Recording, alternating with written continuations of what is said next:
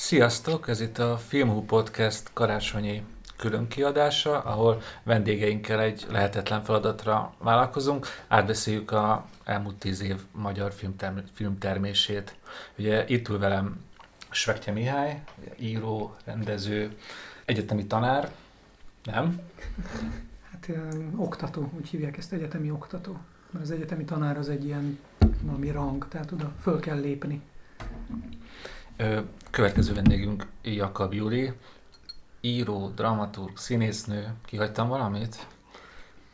Én is, én is tartok egy órát az egyetemen, szóval na. Elnézést akkor, és egyetemi oktató vagy tanár, hogy mondjuk? Va- valami ez alatt nagyon sokkal. Következő vendégünk a filmutól újságíró kritikus Pozsonyi Janka, Sziasztok! és szintén kritikus, újságíró, valamint forgatókönyvíró. Az ötödik vendégünk Kránisz Bence. Hello. És, és író is, hiszen a kalandos filmtörténet Ja, igen. kötet egyik Hát ez így igaz. És egyébként tartok órát egy egyetemen, úgyhogy Úgyhogy csak mi nem tartunk órát egyetemen még. most hagyjátok, Kosárlabdázó. hagyjátok el a szobát. Hát, akkor van itt három egyetemi oktató, két újságíró, amiben még én nem mutatkoztam be, Varga Dénes vagyok.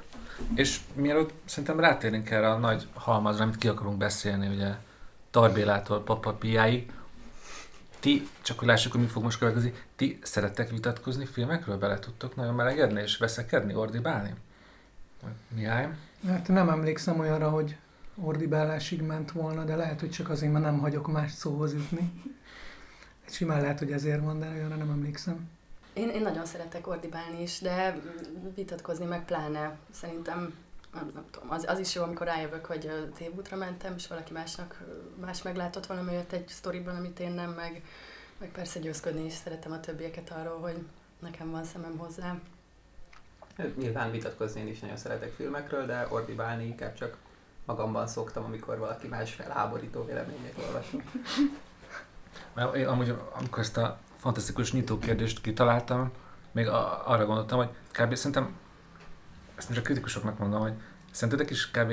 az még kritikusnak, aki szeret vitatkozni filmekről? Ez fontos hozzá? Hát nem is tudom, nem feltétlenül.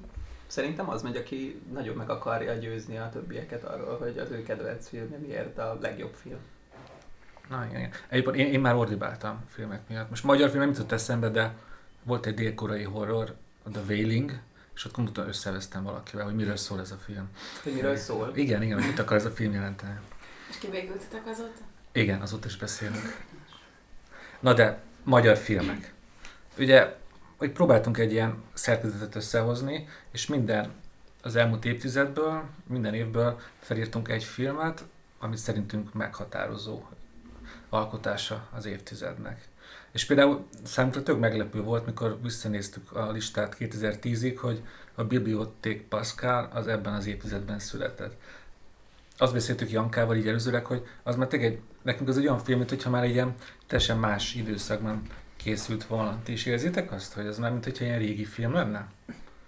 Hát uh, szerintem mindannyian, vagy hát én legalábbis időszámítás előtt és utáni filmekről beszélek, és ez még előtte van. Ugye ez a 2010-es, 11-es ö, váltás előtti film. Tehát ilyen szempontból igen. Hát arról is beszélve, hogy azt hiszem ö, 2008-ban forgatták, tehát bemutatás az még csúszott is, tehát hogy ez ilyen értelemben is a, a, az előző rendszernek, a, a Magyar Mozgókép Közalapítvány rendszerének a filmje, de abból a szempontból nem ö, értek egyet, hogy ö, hogy pont ö, újra néztem tegnap ezt a filmet, erre az adásra készülve, és, ö, és annyira ö, valahogy időn kívülnek, vagy inkább a magyar film iparnak, vagy a magyar film trendjeinek a, a, a külön utasaként látom ezt a filmet, ami nem illik tulajdonképpen se az előző rendszernek a, a, a képébe, hogyha ha van ilyen, sem az új rendszernek a, a filmjei közé, hanem egy, egy sok szempontból kivételes és kb. ilyen, ilyen összeurópai mm, film. Hát meg nem is tudom elképzelni, hogy most lehet, hogy pályáznak ilyenekkel, de hogy nem, nem, nem nagyon látni ilyesmit most mozgom, hogy ilyen stílusú, ilyen történetvezetésű filmet nem nagyon láttam én azóta, vagy hát nem, nem tudom, hogy ti hogy vagytok vele, de nekem hiányzik valami, ami, ami ennyire sokat lehetne vitázni, megbeszélgetni, hogy most ez mennyire szerzői, mennyire műfaj, nagyon érdekes ez a film szerintem. Én nem tudtam most újra nézni, de vannak a De egyébként a világtrendben szerintem valamennyire beleillik az akkoriba. Mhm. Igen, abban sokkal inkább, mint a magyarban, nem? Hát igen, hogyha most ezt mondod, hogy lehet róla vitatkozni, meg hogy egyáltalán a meg, hogy meg kell fejteni, mondjuk a, abban az időben a David Lynch ugye a csúcsformáját futja. Tehát azért a, a, a, abban jobban beleillik Magyarországon egyedülálló tényleg. Igen, szerintem azt mondjuk is csak mondani, hogy miről szól, aki esetleg nem látta, hogy ugye egy erdélyi nő ő elveszíti a gyerekét, ugye aztán Londonba kerül egy ilyen luxus bordélyházba, és igazából sokszor nem is lehet tudni, hogy ez most fantázia, valóság, igaz, ilyen szürreális álomvilág sokszor. És ezért is én azt írtam fel magamnak, hogy ez egy ilyen nagyszabású szerzői látomás, ami szerintem az elmúlt nem tudom, 5-6 év magyar filmtermésében egyáltalán nem illeszkedik. Ilyet, ilyet nem gyártunk manapság. Ez egy másfél milliárdos szerzői látomást. Hát azzal teljesen egyetértek, hogy, hogy ez egy időn kívüli film, vagy a saját korán kívüli film, és még fogunk ma beszélni néhány olyan rendezőről nyilván, akik, akiknek szintén annyira megvan a saját világa, ami, ami szerintem nem köthető a, az ilyen szó jó és rossz értelemben vett ö, magyar filmes ö, nem tudom, közeghez, vagy, vagy filmnyelvhez. Szerintem a Hajdú Szabolcs az egyik egyik nagyon ékes példa erre, és ez a filmje, ez meg, ez meg hihetetlen. Tehát szerintem, ha van, van definíció arra, hogy ez vízió, vagy szerzői vízió, akkor ez ez a film.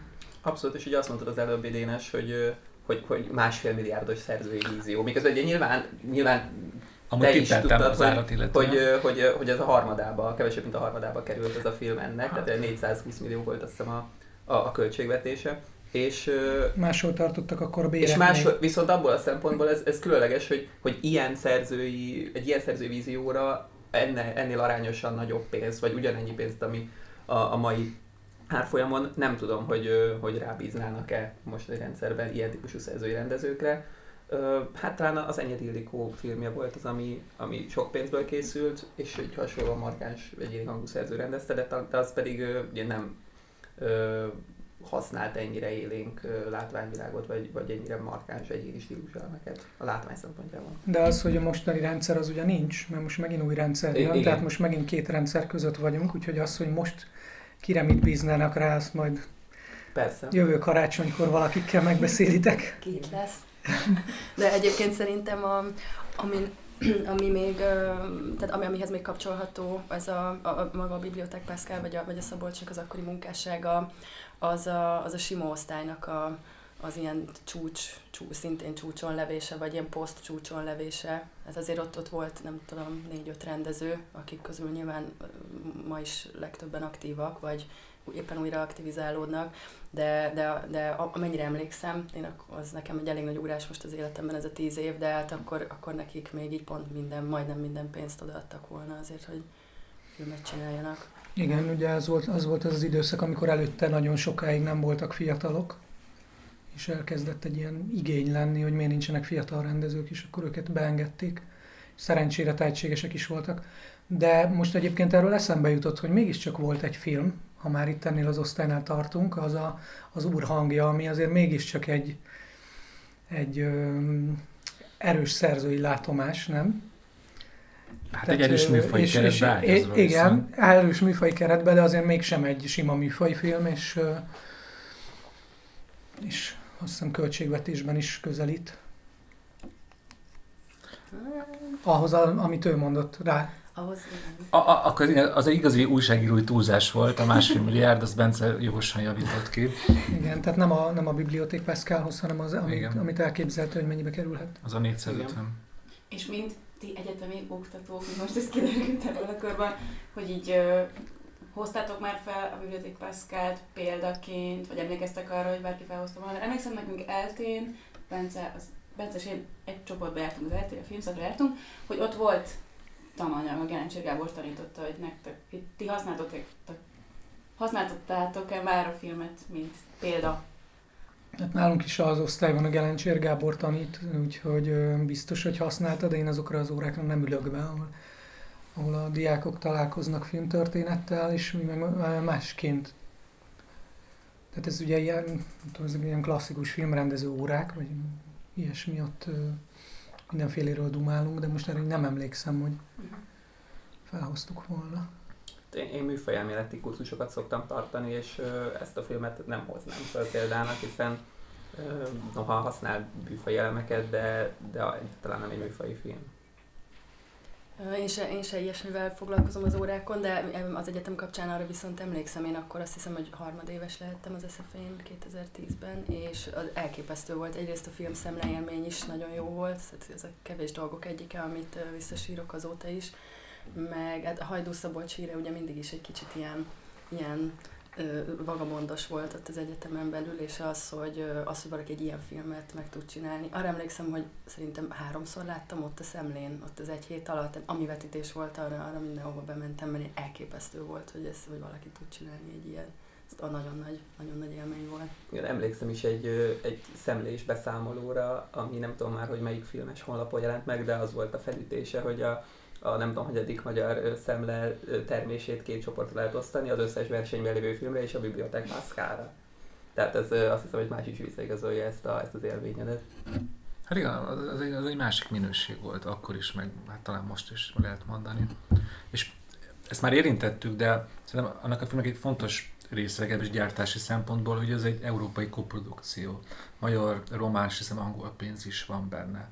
És most így is gondolkoztam erről a Pascalról, és most írtam is előre ugorva a jövőbe, számomra például ez lehetne, amit meg lehetne tanulni a Biblioték Pascalból, hogy ha tényleg nézőket akarunk, meg a magyar filmet vinni előre itt a régióban, akkor sokkal több koprodukcióba kéne gondolkozni.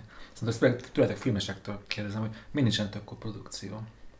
Kezdődik az, kezdődik az Andy Vajnázás.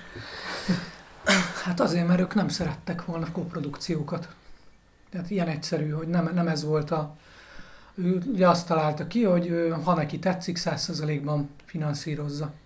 És így aztán nagyon kevés volt. Azoknak volt a koprodukciója, akik már eleve egy olyan múltal jöttek, hogy csinálnak koprodukciókat, mondjuk a Mundrucó Kornél, aki már így hagyományosan ilyeneket csinált, de nem, nem nagyon, vagy hát egy-kettő volt, de, de töredék is kifejezetten nem volt. Ez egy, egy támogatott dolog, ami szerintem egyébként egy, egy nagyon hibás döntés azért is, mert az egész európai finanszírozás úgy van kitalálva, hogy kapcsolódjunk össze. És az azért is jó, mert amelyik ország beszáll, ott bemutatják a filmedet. Tehát emiatt is érdemes koprodukciót csinálni. Ez egy nagyon nehéz kérdés szerintem, és a, a részben azzal is függhet össze. Én nem tudok a gyártási dolgokról sokat, de hogy a, a, a maga a nyelv kérdése egy probléma, a, ami itthon közönségfilmnek készül, az nyilván nem merül fel, hogy, hogy érdemben külföldre menjen. Lehet, hogy örülünk annak, ha a kincsemet bemutatják, nem tudom, Törökországban is, én örülök, de, de ez, ez, ez, ez szerintem ezzel egyszerűen nem lehet ilyen szempontból kalkulálni, úgyhogy ez már eleve az arthouse filmekre ö, fókuszálhat inkább, mármint a koprodukció lehetősége, az pedig azt gondolom van, ahol organikusan tud fejlődni, mint mondjuk a, a Bibliotek Pascal esetében, ahol, ahol a történet része nem véletlenül ez a románszál, egyébként pedig mondom a gyártási részről nem sokat tudok, de hát ez nagyon, nagyon a producerekre van téve, hogy, hogy tudnak-e szerezni külföldi pénzt. Egyébként amennyire, amennyire én tudom, én az elmúlt másfél évben a filmalapban is dolgoztam forgatókönyvfejlesztőként, az ut- utolsó időszakban kifejezetten cél volt az, hogy támogassák, a, támogassák a, az európai koprodukciók be, beterelgetését. Például úgy tudom, hogy a Csúlya Laciék következő filmterve az remélhetőleg uh, jó példa lesz majd erre, de ezt most lekopogom. Hát meg akkor reméljük, hogy a filmintézet például ezt megtartja, hogy koprodukciókat erősíti ezt az új irányba. De egyébként az, abban még, amit a Juli mond, az a fontos, hogy úgy van kitalálva az európai koprodukciós rendszer, hogy nagyon erősen azt támogatja, hogy kinn is kelljen máshol forgatnod, és egy csomó történet ugye ezt nem, ezt, ezt nem tudja hozni, vagy legalább legyen benne egy külföldi szál, ami nem bele van erőszakolva, hanem tényleg következik a, a történetből, úgyhogy ezek, ezek is olyanok, hogy néha-néha van olyan, már hallottam, hogy valaki csak utómunkára ki tudott menni, de aztán mindig elmondják azt is, hogy ez azért mindig sokkal drágább. Erre jutott eszembe, amit mondtál, hogy anélkül, hogy bármennyire is azt szeretném erősíteni azt a véleményt, hogy, hogy csak magyar finanszírozású filmek készüljenek, de én azért emlékszem ebből az időszakból, pont a 2010 körüli évekből olyan magyar filmre, ahol ez a koprodukciós lóláb eléggé kilógott. Például a Török Ferencnek az Isztambul című filmje, amit a Napászta után egy évvel mutattak be, ahol, ha jól emlékszem, akkor ö, akkor tehát nevetségesnek találtam annak idején a moziban, hogy a, az egyik szereplőnek a, a férje az ír, mert volt benne ír pénz, és semmilyen szempontból nem volt fontos, hogy ír ez a csávó. Csak... Néha ez a való életben is így van, jó? E, igaz, de ott ö, ezt, azt az egy, egyébként is ö, egyszerre primitív és bonyolult történetet még túl, túl bonyolultá tette. Ö, elnézést kérek Török Ferenctől, akit a következőkben megdicsérünk majd más filmje kapcsán. Átépünk a következő filmre, a Torinoi Lóra. A Tarbiláról már nagyon, sokat, nagyon sok mindent elmondtak. Titeket így személyesen ez így megérintette, amikor a Torinoi Ló után bejelentette, hogy ő most ez befejezés, nem csinál többet? Nektek ez, ez a gesztus ez jelentett bármit is? Bevallom, hogy nekem valószínűleg azért például így elsőre annyira nem, mert ahogy mondtam, akkor kb. három-négy éve, három éve jártam szerintem az egyetemre. Én nem voltam egy ilyen, egy ilyen baby filmes, tehát nem, nem, nem láttam akkor mondjuk még a Tarbéla összest, és nem rajongtam őrülten, úgyhogy, úgyhogy ez az ilyen furcsa, mert ez kicsit így a, így a ködbe vész, vagy olyan, mint egy ilyen, mint egy ilyen egybe életmű, ami akkor hirtelen így olvastam róla, hogy lezárult. Azóta nyilván máshogy látom, amióta megnéztem már a filmjeit, de, de akkor, akkor így nem, nem tűnt nekem úgy különösebb jelentősége lenne. Én úgy emlékszem, hogy nagyon rápörögtem annak idején erre a hírre, hogy Tarpéla abba hagyja a filmezést, és ez, ez biztos az volt az oka, hogy akkor már, már egy év, vagy több mint egy éve jártam a, az eltére, és már voltak olyan óráink, ahol kötelező volt Tarbila filmeket is nézni, és már tudom, háromat láttam, azt hiszem a korábbi filmjei közül, és, és emlékszem, hogy a, a, gimnáziumi legjobb barátommal alig vártuk, hogy bemutassák a Torinói lovat, egy végre megnézhessük a művészmoziban, és uh, fantasztikus élmény volt. Hát én ennek a másik oldal vagyok, mert én is lejártam, bár én 11-ben kezdtem az egyetemet, úgyhogy én, én, én is, tehát én úgy voltam, mint a Júli, hogy akkor kezdtem el igazán én nagyon sok magyar filmet nézni, meg Bélákat nézni, nem emlékszem síró diákokra a folyosón, vagy ilyesmi, szóval nem, nem rémlik ez, vagy így. Talán a, a KAB, Kovács András Bálint megemlítette, volt vele ilyen alapozó óránk, de a, azt hiszem, hogy vagy talán nem biztos, hogy mindenki komolyan vette, hogy az utolsó filmje, szóval voltak egy kétkedő ember, úgyis lesz még más. Most is vannak még Most szerintem. is vannak, igen, igen, hogy Clint Eastwood is sokszor bejelentette már, hogy nem csinált több filmet. Meg Rolling, Stone, Rolling Stones is 20 éve búcsú túl nézik most. Meg ugye a Kispár is adott búcsú koncertet, aztán megint is megint. Akkor nagyon, akkor nagyon kiakadtam, hogy nincs, nincsen semmi súly az adott szónak, mikor visszatért a Kispár. Szóval nem tudom, hogy valószínűleg nem fog már filmet csinálni a Béla, a Tartar Béla, de hát talán ez jobb is így, vagy, vagy ez egy csalódás lenne, ha nem tartaná be a szavát. Hát ugye erre Én bírnám, ha csinálna egy Én is nagyon színes, színes uh, vígjátékot. Hát igen, de erre mondja a Kovács András Bent, hogyha csinálna újra filmet, az már nem tarfilm lenne, mert hogy annak a stiláris útnak a végére ért, a, ami Belatoló A körbe zár. A, pontosan. És Tarbéla jelentőségéről még annyit, hogy ugye itt van az évtized vége, jönnek ki az évtizedes listák. Eddig egy olyannal találkoztam, amin szerepel magyar film, a, és a Star Béla Torino Illó, a Torontói Filmfesztivál listázott 20 filmet, az, vagy 10 most már nem, nem emlékszem, de és ők belerakták. Szóval ez, ha van jelentősége számomra Tarbélának, hogy a színefilek körében a magyar filmművészet az kb. egyenlő Tarbélával nem tudom, te amikor találkoztok kül- külföldi filmesekkel, nekik is Tarbéla az első kötődés a magyar filmhez? És az a tapasztalatom meg, hogy őróla szokták azért tudni, hogy kicsoda. És másokról meg nem mindig.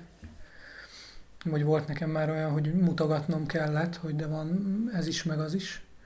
Úgyhogy ez, ez, ez biztos, hogy így van, hogy ő nagyon, nagyon erősen meghatározza azt az időszakot, és úgy látszik még mostanra is kihat. Hát azért a Saul kapcsán a, a Nemes, az a László Nemes, azért sokan felhozták utána, hogy ő ki, ő, mi, ő nagyon izgi, amit csinál. Egyébként a László kapcsán szinte mindig elhangzik a Tarbéla. Valószínűleg azért, mert van ilyen anekdotikus jelentősége is, hogy asszisztense volt, de, de, de szerintem nyilván más oka is van annak, hogy, vagy én, én olyan színefilekkel szoktam találkozni, akik a Lászlót ismerik többnyire, mert ugye azokkal hoz össze a sors, és, és nagyon gyakran, nagyon gyakran oda kötik. és megpróbálják valahogy összehozni a stílusokat is, ami azért nem mindig kappol szerintem. Szerintem sem. Hát ez egy, ez egy szép, szép ilyen össze, összeszuszakolás hát magyar, a földrajznak. Hát meg hosszú-hosszú, nem? Mármint a snit, tehát körülbelül ez. Hát, ja. igen. Igen.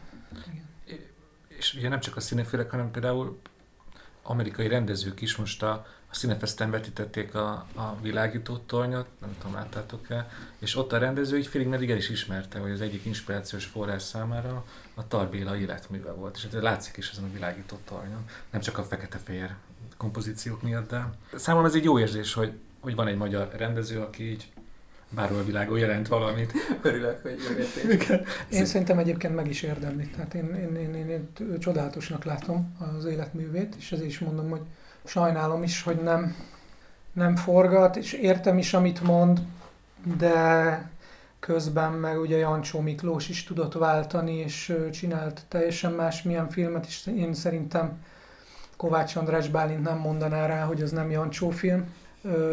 Ezek a Kapa Pepe filmek, úgyhogy szóval szerintem még, még azért lett volna ebben. Azt értem, hogy annak a körnek a végére ér, de lehet, hogy lehet kezdeni másik kört, de nyilván nem akar másik kört kezdeni. Ugye ezt, én szerintem bármikor belefutok abba, hogy Tarbéla interjút, de mindig el szoktam olvasni, hogy mit mond, és úgy, úgy látom, hogy most már tudom, ő, ő azt hiszem nem akar kispál és a borz lenni, és Igen. még hogyha otthon ö, néha eszébe is jut, hogy de jó lenne filmet forgatni, akkor is valószínűleg úgy érzi, hogy segget csinálna a szájából, de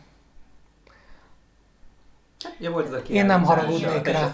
Igen, ilyen kiskaput talált ezzel a Bécsi kiállítással, ott voltak mozgóképes dolgok is. Bécsben? Nem, nem Amsterdamban? Amsterdamban volt a nagy Amsterdamban is volt egy, és most Bécsben is. Ja, Hát azt nehéz elképzelni, hogy valaki, akinek egyébként láthatóan nagyon sok mondani valója van, meg egy ennyire erős, erős formai gondolkodása, az, az, az, az meg tudja azt akadályozni, hogy valahogy ki, kibugyogjon. Szerintem nem tudom, lehet, hogy nem filmet fog csinálni, de valamit még biztosan. Meg hát szerintem az rettenetes, hogy ő ugye beindított egy, egy produceri irodát is, és az, az, az gyakorlatilag a tudom filmes rendszerváltás, az legyilkolta. Tulajdonképpen nem, nem, nem, nem, nem, nem tudott tovább menni, és ez, ez szintén baj, szerintem, mert ott formálódott egy műhely, lehet, hogy kijött volna belőle egy-két érdekes dolog, de... Hát ez azért illik a, a Tarbélának a, az életművéhez, meg az alkotói karakteréhez, mert folyamatosan a, a rendszeren kívül dolgozott, és amit bekerült volna a rendszerbe a következő filmében már rögtön ki is szállt, vagy kidobták, vagy kihúzták alól a stúdiót, vagy el kellett menni a külföldre, szóval hát ugye akkor lett a, a filmművész, filmrendezők szövetség, vagy filmművész szövetség, nem tudom pontosan a neveket, több szervezet is van, de az, az egyiknek az elnöke lett kb. nem 2010-ben, a Vajna korszak kezdetén. Amikor ez a szervezet teljesen marginalizálódott, mert attól kezdve a film egyáltalán vette figyelembe az ő véleményüket, meg állásfoglalásaikat. Tehát ez egy nagyon jellegzetesen tarbélás lépés szerintem. Hát, hát számomra tényleg ő, ő a, a nagy művész a 20. századi értelemben, aki elmegy önkéntes számüzetésbe, Szarajevóba, nyilatkozatokat tesz, hogy ő nem csinál filmet, és már pedig nem csinál. Fantasztikus, ezek mind és hitelesnek hangoznak tőle, ez, ez a legszebb az egészben. De említetted a filmes rendszerváltást, ami szerintem most el is értünk, ugye feláll a filmalap, és az első teljes egészében a filmalap által forgalmazott és gyártott film, ugye az a az isteni műszak volt. Nem igen újra néztem, és arra, én arra jöttem rá, hogy az például sokkal jobb film, mint ahogy én annó gondoltam, és aztán azon is próbáltam egy elmékelni, hogy, hogy most miért tartom ezt hirtelen sokkal jobbnak, és visszaemlékezek 2013-ba, és elérkeztem a kérdésemhez, hogy ti is azt éreztétek, hogy így jön egy új rendszer, nek az első filmje, és annak hirtelen nagyon jónak kell lennie? Különben vagy az egész nem működik, mert én megnéztem, és akkor jöttem, hát akkor ez most mégse egy remek mű, akkor most mégse a Mennyország jött el ezzel az új rendszerrel.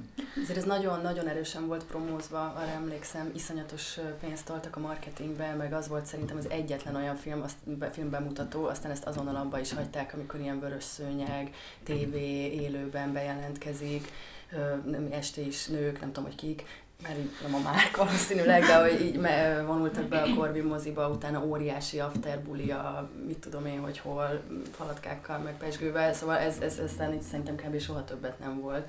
De akkor a svungja volt annak, hogy ez, ez, ez most az. És hát ugye én nagyon-nagyon szeretem a Márk világát, de, de hát ez egy, egy speciális ö, dolog, vagy egyáltalán nem az a hardcore közönségfilm, mint, a, mint ahogy kommunikálták. Hál' Istennek egyébként. Hát őszintén szóval én soha nem hittem abban, hogy nem is tudtam komolyan venni ezt, hogy most akkor jön valaki, és ö, hatalmas változás lesz. Tehát szerintem önmagában komikus az egész, hogy ezekkel együtt, amiket elmesélsz, ezt én, én, nekem ez így nem is maradt meg, de nyilván nem ezt tesz valamit jó vagy rossz filmé, és ö, hiába jön valaki valahonnan, hogyha ugyanazok az alkotók tehát persze be lehet hívni ilyen fiatalokat, mint akkor ugye a Márk volt kezdő, tehát rá lehet találni egy-egy egy-egy új tehetségre, de összességében az egyértelmű volt, hogy van egy közeg, ők szeretnének filmet csinálni, és nagyjából sejthetjük, hogy milyen típusú filmek lesznek, és egyáltalán, hogy mi az a hagyomány, amiben a magyar film mozog. Ez pedig ugye jellemzően a szerzői film. Viszont ehhez képest a Bodzsermek szerintem inkább külföldi példákhoz nyúlt. Ugye az első filmjén az nagyon erős a, a Tarantino hatás, ez hogy próbál egy ilyen midcut filmet csinálni. Szóval őnála pont azt éreztem, hogy ő, ha nem is valami újat, de valami, félig meddig valami amerikai dolgot akar összehozni isteni műszakkal.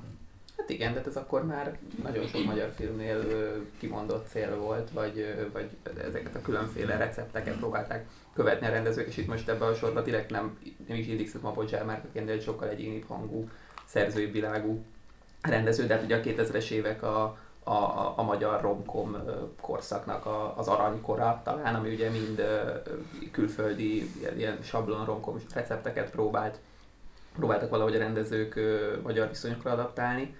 És, és az isteni műszakra visszatérve én arra emlékszem, hogy a, a körülmények akkor olyan elvárásokat helyeztek, vagy olyan, olyan súlyokat helyeztek erre a, erre a filmre, aminek, amelyeknek talán nem is lehetett tényleg megfelelni. Tehát ugye akkor nagyon hosszú ideig nem voltak magyar filmek a mozikban, vagy pedig ilyen hát ilyen wrestling innen onnan így beesett, amiknek elmaradt a premierje korábbról, vagy mit tudom ilyen sketchfilmek, szóval azért ilyen kellemetlen produkciók voltak, úgy emlékszem, hogy 2012-13 elején, és, és ugye akkor jött az isteni műszak, és hát akkor igazából tényleg nem, tehát hogy itt mit tud csinálni, mit tud tenni egy film, ha az nem a Saul fia.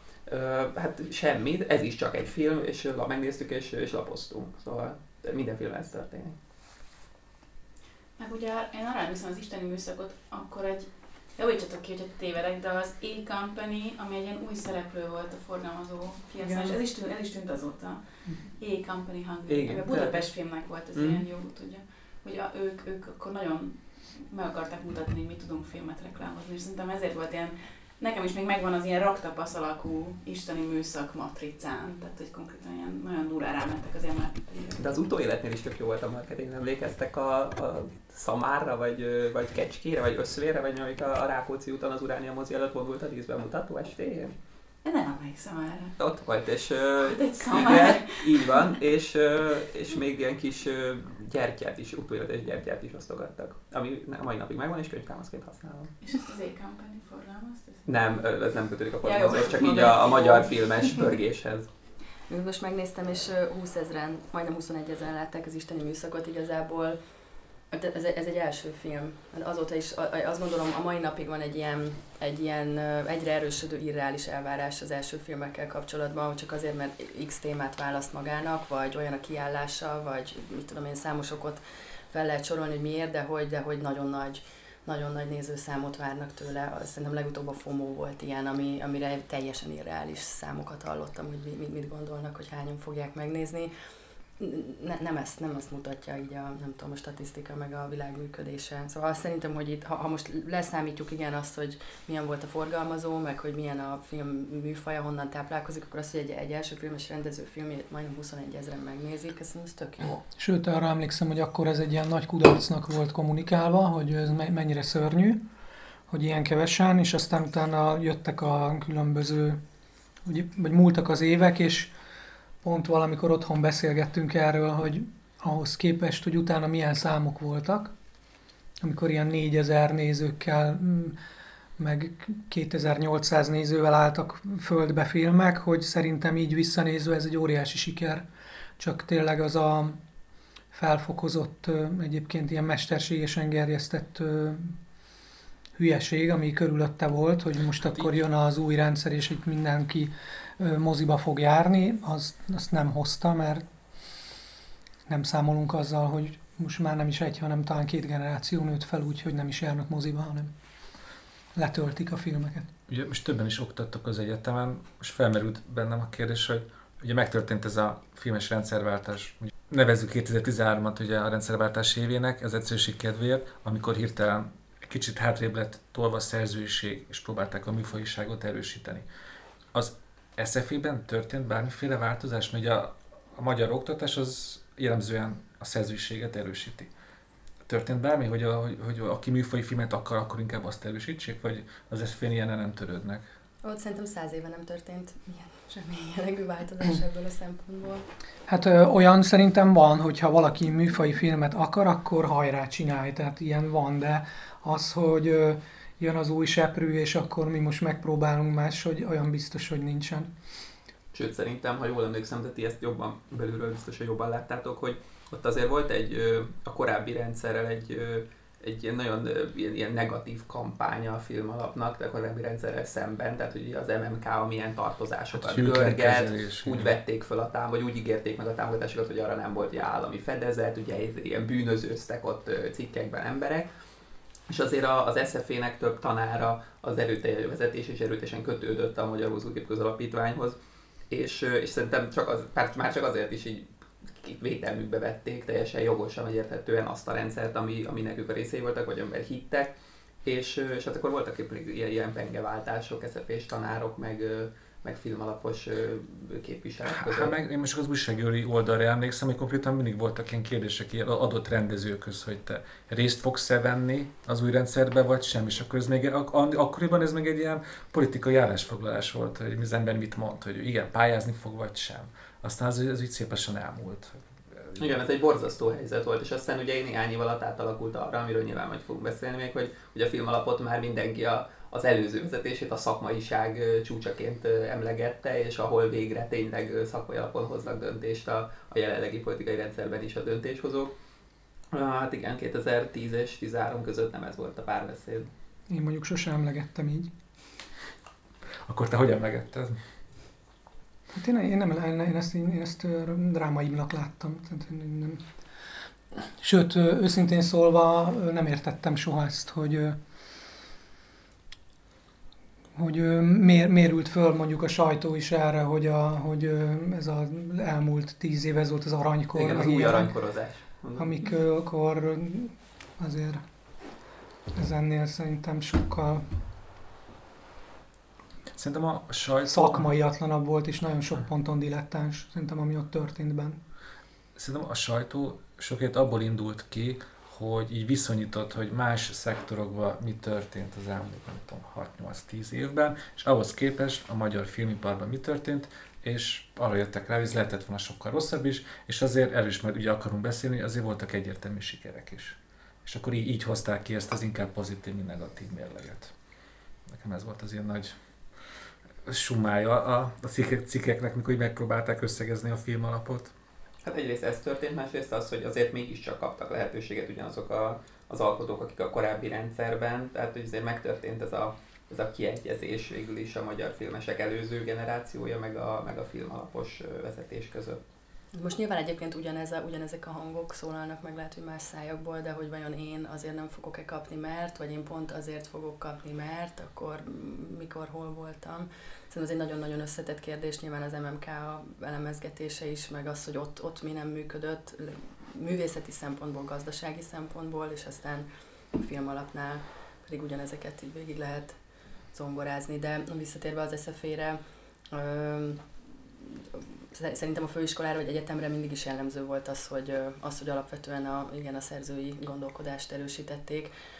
ami egyrészt nagyon egy nagyon jó dolog, meg abszolút illeszkedik a magyar filmes hagyományban, másrészt nekem mondjuk az úgy utólag nagyon hiányzott, hogy öt évet jártam oda a forgatókönyvíró szakra, és egyáltalán nem foglalkoztunk a, ezzel az angol száz típusú forgatókönyvírással, és emellett egyetlen egy olyan forgatókönyvet se írtam, ami megvalósult volna egy filmrendező által. Tehát az, az például egy szuper változás, egyébként semmi közel nyilván se a film alaphoz, se az MMK bukásához, de hogy azóta már ebben a 6x6-os rendszerben zajlik az oktatás, tehát stábok dolgoznak együtt, és hangsúlyban azon, hogy a filmkészítők azok készítsenek tényleg filmet, és ismerkedjenek azzal, hogy a világban milyen módokon írnak mondjuk forgatókönyvet, túl azon az ösztönös, intuitív örjöngő ihleten, ami néha jó eset, jó, jó, jó módon száll meg alkotókat. Ugye ebben az a nehéz, hogy jár egy osztályban mondjuk 6-8 ember, ez változó, és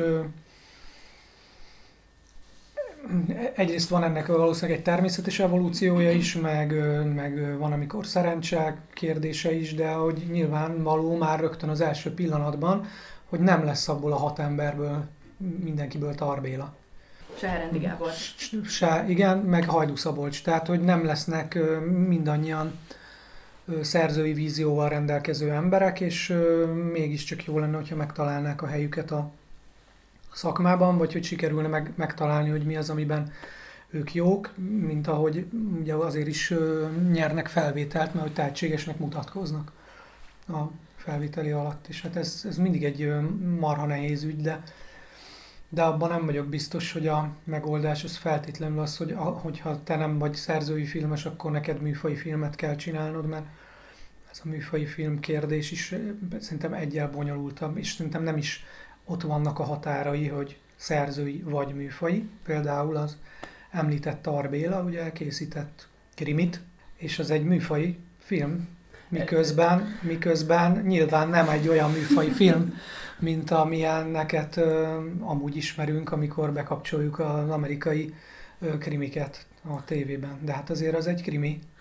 Hát igen, van, van egy, egy könyv, ugye a londoni férfi, hiszem George Simenontól, ugye, az egy klasszikus krimi, de amit ő csinál belőle, az, arra már azért nehezen tudnám a krimi szót használni. Szerintem az elnézést kérek, de az egy, az egy noir, nem, nem krimi, és, és a Tarbéla saját szerzői témáival olyan szempontból összeegyeztethető, hogy egy, egy teljes morális bukás története, ami Tarbéla korábbi filmjeiben is megtörtént. Szóval igen, itt egy klasszikus krimi irodalmi alapanyagot formált abszolút szerzői vízióvá, de persze használ műfai sémákat. Beindult a, a filmek gyártása a filmalaptól, elkezdtünk most 2014-ben, ahol hát számunkra a legemlékezetesebb film, az pont egy amúgy izigvérik szerzői film, van valami furcsa és megmagyarázhatatlan. Ugye erről is már szerintem agyon lett beszélve ez a film. Igazából csak a személyes oldalra vagyok kíváncsi, hogy mindig elmondják, hogy generációs film, ez rólunk szól, de például most itt ülünk öten, itt mindannyian azt tudjuk mondani, hogy ez rólunk szól? Hát szerintem azt tudjuk mondani, hogy ismerjük ezt a jelenséget. Szerintem ez, ez mindenképp így van. Nekem személy szerint ez volt a, az egyik olyan film a elmúlt hány év, nem tudom, 8-9 évben, aminél ilyen, ö, beültem, és és boldogan jöttem ki. És uh, egyszerűen a hatással alá kerültem, uh, nagyon örültem, hogy ez, ez megtörtént, hogy van egy ilyen film. Tehát uh, nekem a 8-9 évben is az egyik legfontosabb film ilyen szempontból, hogy amikor nem, amikor nem csak úgy nézem, hogy igen, a minőség persze látom rajta, hanem beülök és hat. Szerintem Júlia ezt már senki nem tudja jobban, hiszen te benne voltál ebben a filmben, de hogy nekem mindig az volt az érzés, amikor megnéztem, hogy így valahogy süt belőle a, a szeretet, hogy, hogy ennél, nem tudom, ennél kevésbé gicsesen mondani. Egyszer látszik, hogy szeretetből készült azoknak, akik, tehát hogy én, én nagyon éreztem, hogy rólam szól, nem csak azért, mert egy filmszakos hallgató van benne, akinek semmi iránya nincs az életben, meg mindenféle bajai vannak amúgy is, hanem hogy így olyan volt a nyelvezete, olyan helyeken játszódott, olyan karakterek voltak benne, hogy így, így magamhoz tudtam ölelni, azt hiszem. Te mit te, aki benne voltál, te hogy élted ezt meg? Igazából az volt egy, egy érdekes váltás, hogy a, a Gábor azt megelőző három kis filmjén együtt dolgoztunk, tehát én már úgy elég szoros baráti meg munkakapcsolatban voltam vele, és ez a három kis film, ez, ez sokkal klasszikusabb formában készült, meg egyébként is minden szempontból sokkal klasszikusabb. De ezt nem lehet mondani, hogy, a, hogy valami olyan dolgot vitt volna tovább, ami addig is jellemző volt rá. És ott meg, ez pedig nyilván egy, egy elképesztő akarás, meg erőfeszítés volt egyébként nem csak a Gábor részéről, hanem, hanem aki majd nem ugyanennyire, vagy ugyanennyire, vagy még, még fontosabb ember ebben a történetben, a Ber- Berkes Júli nevű producer, aki, aki ilyen mindenét összeszorítva tartott ki a Gábor mellett, és segített, és segít neki a mai napig mindenben. Nyilván nem az volt a szándék, ami aztán csodálatos módon lett a, lett a filmből, hogy egy ilyen, most akkor megmondjuk, hogy, hogy milyen, milyenek vagyunk mi itt most 2010 nem tudom hányban. 14-ben. 14-ben. De amúgy ezt akartam is közben, ilyenkor ez mennyire tudatos, hogy mert a forgatások ugye elhangzott, hogy mondjátok egymáshoz, hogy hát most szóljon rólunk, ez most legyen itt és most. Hát nagyon szólt rólunk, mert ugye ott az volt, hogy a Gábor is, és a Ferenci Káron is, és egyébként például én is, de én most minor szereplő voltam ebben a dologban, így minden szempontból, de pont uh, szakítottunk, és akkor nagyon-nagyon ment a nyűnyögés, de ez volt, a, ez volt mondjuk a leg, uh, leg koncepciózusabb része. Egyébként a, amúgy az érdekes dolog, hogy ugye a, a van, az filmalapos pénzből készült, mert azt hiszem, nem emlékszem pontosan, hogy de nagyjából akkor sikerült így kiharcolni, hogy megint kapjon pénzt az egyetem vizsgafilmekre, mert ha jól emlékszem, akkor 3 millió forintot kapott diplomafilmre akkor a Gábor, vagy lehet, hogy csak utólag, nem, ezt nem tudom, hogy hogy volt, ami azért egy kisjátékfilmhez is kevés egyébként. De, de azt mondjuk, hogy valamennyire tisztességesen meg lehet csinálni belőle, és akkor, és akkor ez így dagadt, dagadt ez a projekt valahogy, haladtunk lépésről lépésről, nagyon hosszan forgott ez a film, tehát ez nem, nem egy rendes forgatása volt, hanem így, na akkor most leforgatjuk a Rév Marci fürdőszobájával, akkor azokat, hogy jó, ráérsz, te is ráérsz, akkor menjünk, és akkor forgatjuk. Na, akkor most legalább ezt is tudjuk, amikor szőröket keresél a lefolyóban, az a Rév Marcinak a kádja. Azt tudom, én, én, én, én ülök a Rév Marcinak a kádjában egyszer valami habokban, arra, arra emlékszem, az, az ott van, de akkor valószínűleg a szőrök is ilyen szerintem ott, ott, ott kell, hogy legyenek a Varázs utcában, igen. Tehát, hogy persze, de, de nem, mert ez, ez, ez egy óriási meglepetés volt, meg szerintem a leginkább az egyik legnagyobb dolog, ami, az volt a vicces, hogy az volt a, a mi osztályunk volt a következő, már amiben már tanítottam, ami a van után diplomázott, és ugyanez volt, hogy kapnak pénzt diplomafilmre. Nagyon szépen készülöttünk, hogy jönnek a filmek, és egyszer csak jött egy telefon a filmalaptól, hogy de még van egy papír, amit alá kell írniuk, ami, amit most találtak ki, és arról szól, hogy megesküdnek rá a diákok, hogy nem csinálnak ebből a pénzből nagyjátékfilmet. Tehát, hogy ez, ez, lett a, ez lett a következtetés a sikeres film után, hogy, hogy itt valami nagyon nagy baj van. Hát nem tudom. Hát egy kicsit szerintem cikinek érezték, hogy ez azért miközben onnan jött a pénz, mégis egy ilyen, ilyen rendszeren kívüli ö, dolog volt. Ugye nem, nem, nem, nem ők adták rá, hanem az úgy jár, hogy van nyolc diák, megkapják a igen, nekem pont filmre. ez volt revelatív a, a van hogy miközben köthető ehhez a filmalapos rendszerhez már csak az évszám szerint is, de nekem az egy ízigvérig ugyanilyen kívülálló film, mint amit korábban más szempontból vagy mások miatt a Bibliotek Pascal kapcsán említettünk, vagyis hogy, hogy az, amit mindig elmondtak, hogy milyen sok szívességből készül, de hát azért itt mégiscsak egy nagy játékfilm összejött minimális pénzből, aminek még a technikai ö, ügyetlenségei is jól álltak, vagy azok is építették azt a, a, világot, amiről, amit a film ö, megmutatott. És ez egy olyan ö, áttörés volt szerintem, hogy, hogy tessék, akkor így is lehet filmet csinálni, és ezt egy újabb generációnak mutatta meg. Tehát ilyen értelemben is mondhatjuk, hogy generációs film, csak úgy, hogy rólunk szól, hogy tengődünk össze-vissza, minden harmadik magyar filmben ez van, hanem hogy, hanem hogy, hogy igen, persze tengődünk, de azt meg lehet csinálni egy, egy tök jól működő filmben, nagyon kevés pénzből. És valószínűleg ez idegesítette a filmalapot, nem? Hogy, hogy ha ezt meg tudja csinálni mindenki, akkor onnantól kezdve tulajdonképpen mi szükség Hát az, az így nem, hát hogy, hogy, hogy, hogy, folyamatosan azt olvasták a sajtóból, hogy gyerekek jönnek ki a nem, nem túl sikeres filmek, és itt van egy ilyen, és akkor ez meg ö, milyen. De egyébként azt akartam mondani, hogy amiről nem beszéltünk, és szerintem nagyon fontos, hogy én inkább, ha már Hajdu Szabolcs, akkor a macerás ügyekhez hasonlítanám hogy, hogy bejelentkezik egy, egy, egy, egy nyilvánvaló tehetség, vagy egy nyilvánvalóan tehetséges csapat. Hogy azt lehet látni, és, és én ezért is mondtam azt, hogy beültem a moziba, és ilyen boldogságot éreztem, hogy olyan jó azt látni, mert ez egyébként ritkán van, hogy nyilvánvaló a tehetség, hogy ez mennyire ügyes, ez a, vagy ügyesek ezek az emberek, akik ezt csinálták, és olyan könnyednek tűnik az egész. Biztos marha sokat dolgoztak rajta, de semmi izzadságszag nincsen, hanem, hanem az egész olyan, olyan nagyon laza, nagyon könnyed. Uh-huh.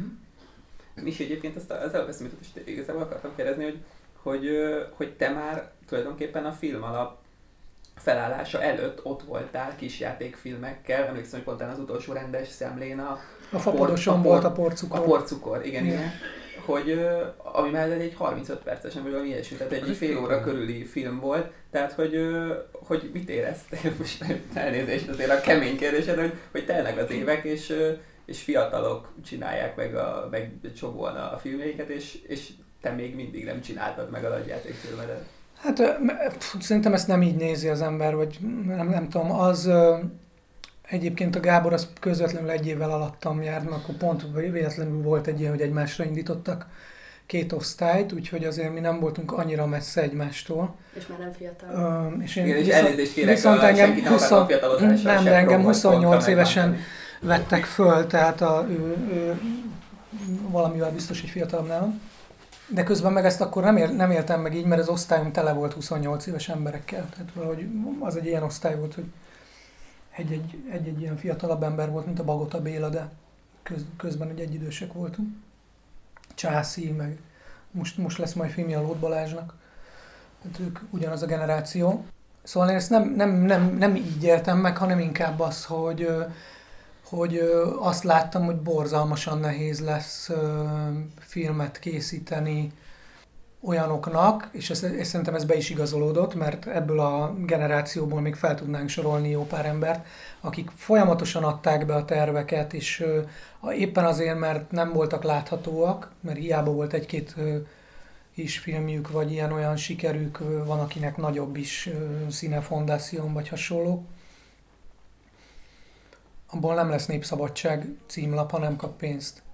Tehát simán le lehet lögdösni, és én egyébként ez, ez az, amit, amit rettenetesen nehéznek láttam akkor, hogy hogy a fenébe fognak ezek az emberek, és itt tényleg nem csak saját magam, hanem még, még, még legalább 15 ember tudnék mondani, valószínűleg többet is filmet csinálni.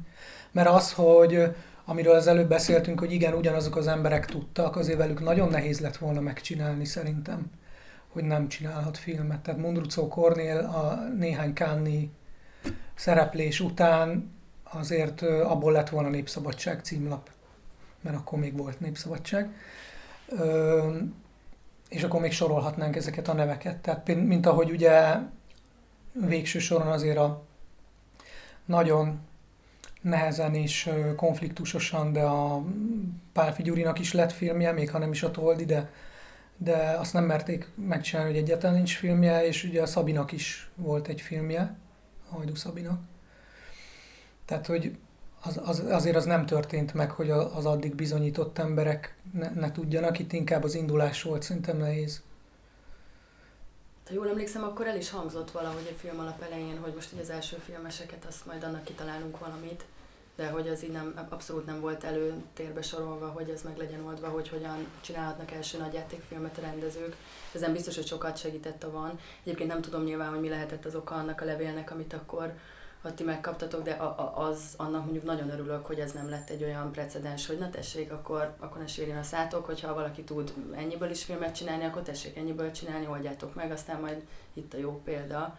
És egyébként az inkubátor program az nagyjából közvetlenül ebből eredeztethető, tehát a vanból, a van reális költségvetéséből számolták ki ezt a 60 millió forintot, ami szintén elképesztően kevés. Igen, de az inkubátor az már azt látható. jelezte, nem, hogy a, hogy a film alapban is a kezdetéhez szájkarate után megvan a, Igen. a, a, a lehetőség, vagy az, az igény arra, hogy vagy kicsit ilyen önkorrekciót hajtsanak végre, és, a film, és az első filmeseknek is adjanak egy ilyen kisebb költségvetésre Meg hát szerintem, ugye, meg, meg nem is az első filmesség, mert ugye pont az említett első film, a Bodzsár Márk, az egy első film, hanem inkább az, hogy folyamatosan azt hallgattuk, vagy én legalábbis ezt hallgattam, de gondolom ebben semmi egyedi eset nincs, hogy, hogy gyere ide és csináljál műfai filmet, mert nekünk erre van szükségünk, tehát hogy nincs más út. Ha filmet akarsz csinálni, akkor, akkor vígjáték, ugye a műfai filmek is olyanok, hogy kísérleteztek mással is, aztán úgy érezték, hogy nem jó, akkor sokáig félre volt téve a krimi, meg az ilyen kicsit bonyolultabb, már Magyarországon semmilyen hagyományjal nem rendelkező műfajok, és akkor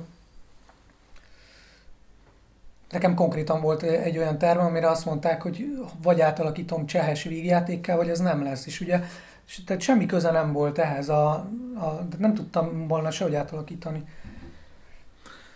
Hát ez elég hülye hangzik, hogy ír egy csehes vígjátékot. Olyan jó cseheset. Az Júli, mint forgatókönyv, ezért szép feladat lenne, nem? Hogy írj egy csehes víget. Ja, tartottam tőle, hogy mint forgatókönyv fejlesztőt fogsz megszólítani. Igen. Beszélgettünk a vanról, beszélgettünk a problémákról. Ugye 2015-ben jött a, hát szerintem az évtized legnagyobb és leglátványosabb sikere, a Saul fia, ami ugye egy Oscar díjban kulminálódott. Ö,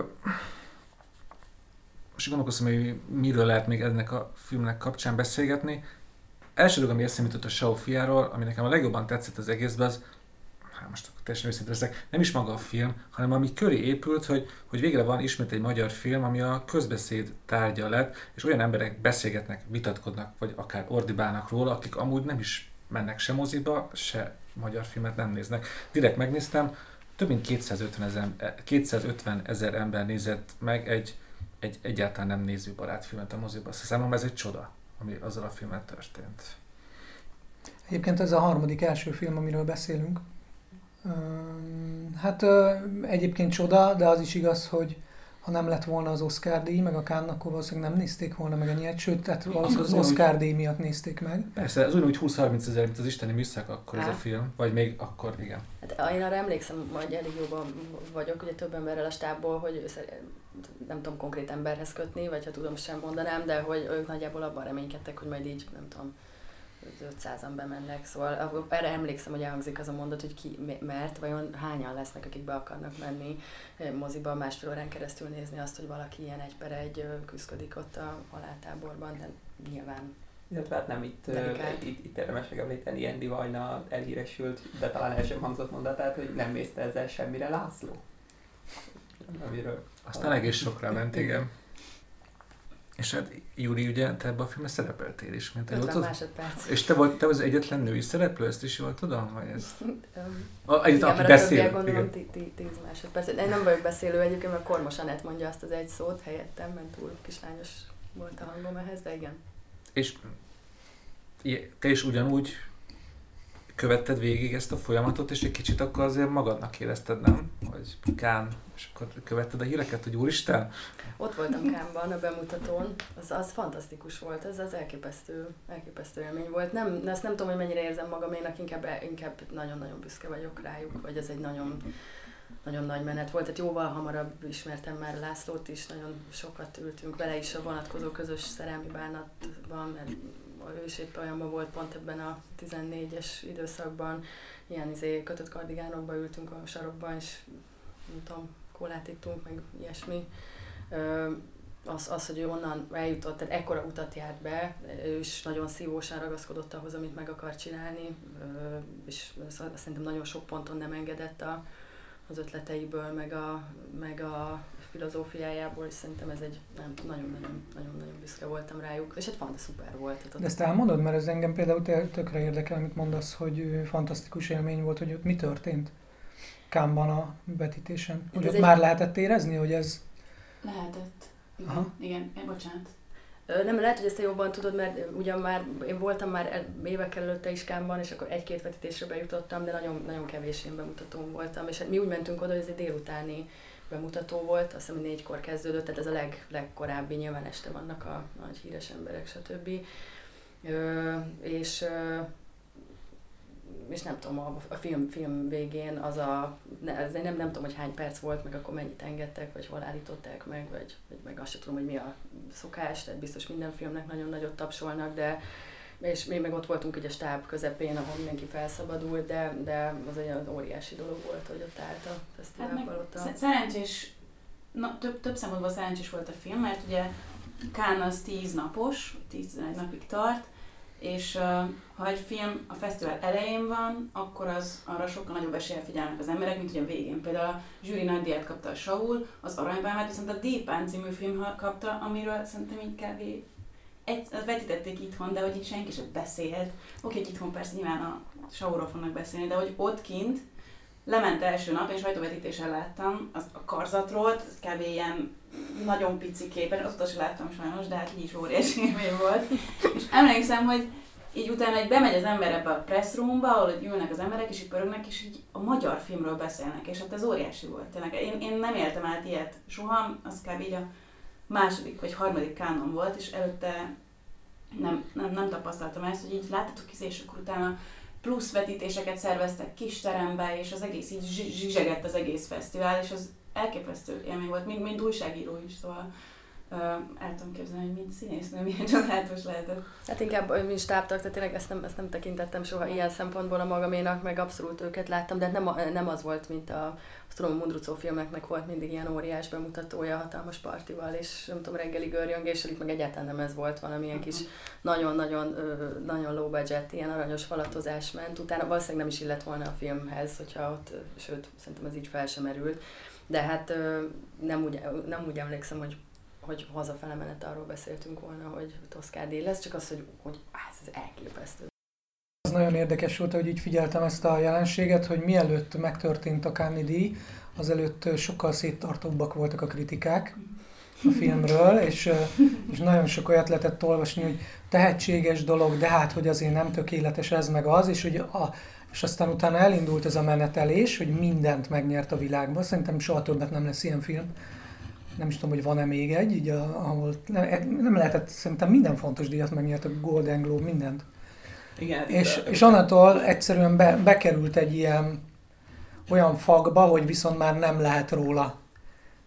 Tehát most már én már alig, nagyon régen nem hallottam azt, hogy, vagy olvastam olyat, hogy valaki valamilyen elemét kritizálna. Azért volt, voltak, voltak Később is volt? Külföldiek, igen. Külföldi lehet, hogy volt, de itthon nem. Azért itthon is volt, volt hogy támadták. Lehet, hogy csak komment szintjén, de azért elég erős viták. Jó, csak a kommenteket már nem nem. Igen, jó, igaz, igaz, ez egy másik. másik. Itt, itt azt tudom érdemes még, még hozzátenni ehhez, hogy persze Kán az egy hatalmas felhajtó erőt biztosított ennek a filmnek, és ezt Júli, te biztosan jobban tudod, vagy jobban közelebbről láttad, de azért szerintem az nagyon ö, tiszteletre méltó, amilyen munkát beletettek a, a nemes jelenség ennek a filmnek a, a képviseletébe, vagy, a, vagy az erről a filmről szóló párbeszédbe a következő évben, ebben a díj, díj szezonos évben. Tehát, hogy ott volt egy magyar rendező, egy fiatal magyar rendező, aki jól beszél angolul, meg franciául, értelmesen beszél, egy, egy, egy bonyolult témáról, egy nehéz témáról érthető mondatokat mond, és egy olyan filmet csinált, amit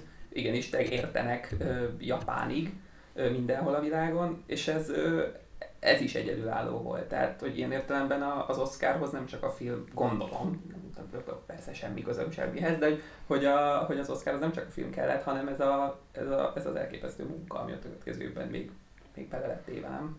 Hát azt azért lehet tudni, hogy nyilván az, hogy valaki mondjuk nyer egy Oscar díjat, az egyáltalán nem csak és tisztán így a minősége a, a filmnek, vagy a, vagy, a, vagy a tehetségnek, hanem, hanem iszonyú összetett dolog, lobbizás, diplomácia, ki hol van, mennyi pénz van az ilyen kampányra, olyan kampányra.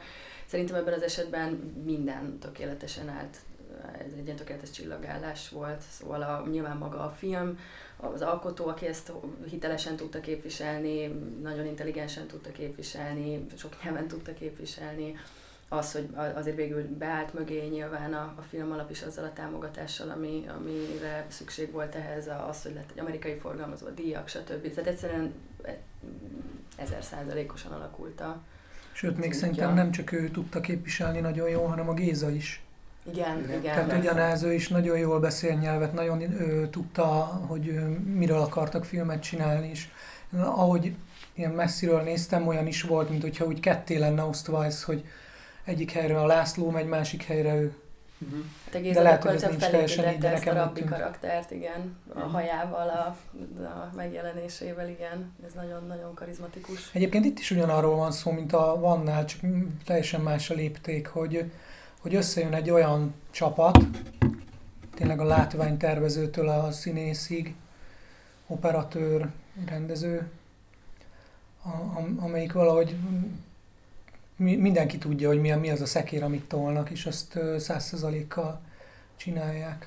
Hát számomra az nagyon szimpatikus volt, szerintem ez a ez vagy az Oscar jelölésnél, vagy rögtön a Cannes bemutató után volt egy nagy sajtótájékoztató, ahol tényleg nem csak a főszereplő meg a rendező ült ott, hanem egy ilyen hosszú sor, hogy ez például Zányi Tamás hangmérnök, és amiről te is beszéltél, és például a kritikában is nagyon sokszor elhangzott, hogy itt mennyire fontos volt a hangkuliszka, a hangkulissza, meg az operatőr, és ők mind ott ültek, és ők is ugyanúgy elmondhatták. Azt hiszem talán, talán azt nem tudom, hogy Rajk László ott ülte, de például ő is nagyon sokat hozzátette ezzel a filmre a díszletet. Nem a sajtótájékoztatán után. Mindig, mindig, eh, Lászlónak ez iszonyú fontos volt, és a második filmnél is, tehát az, az hogy a, nem tudom, Zabezsinszki, a casting direktor, a Krasznaorkai Balázs kirendező munkatársa volt, ami ma már egy ilyen, ilyen nem is teljesen létező pozíció, pedig, pedig egy ilyen nagyon jó, meg fontos dolog, azt, hogy ezeket, ezek az emberek is mindig, amikor lehet, akkor név szerint megemlítse őket, és, és ott legyenek írásban is, vagy akár így,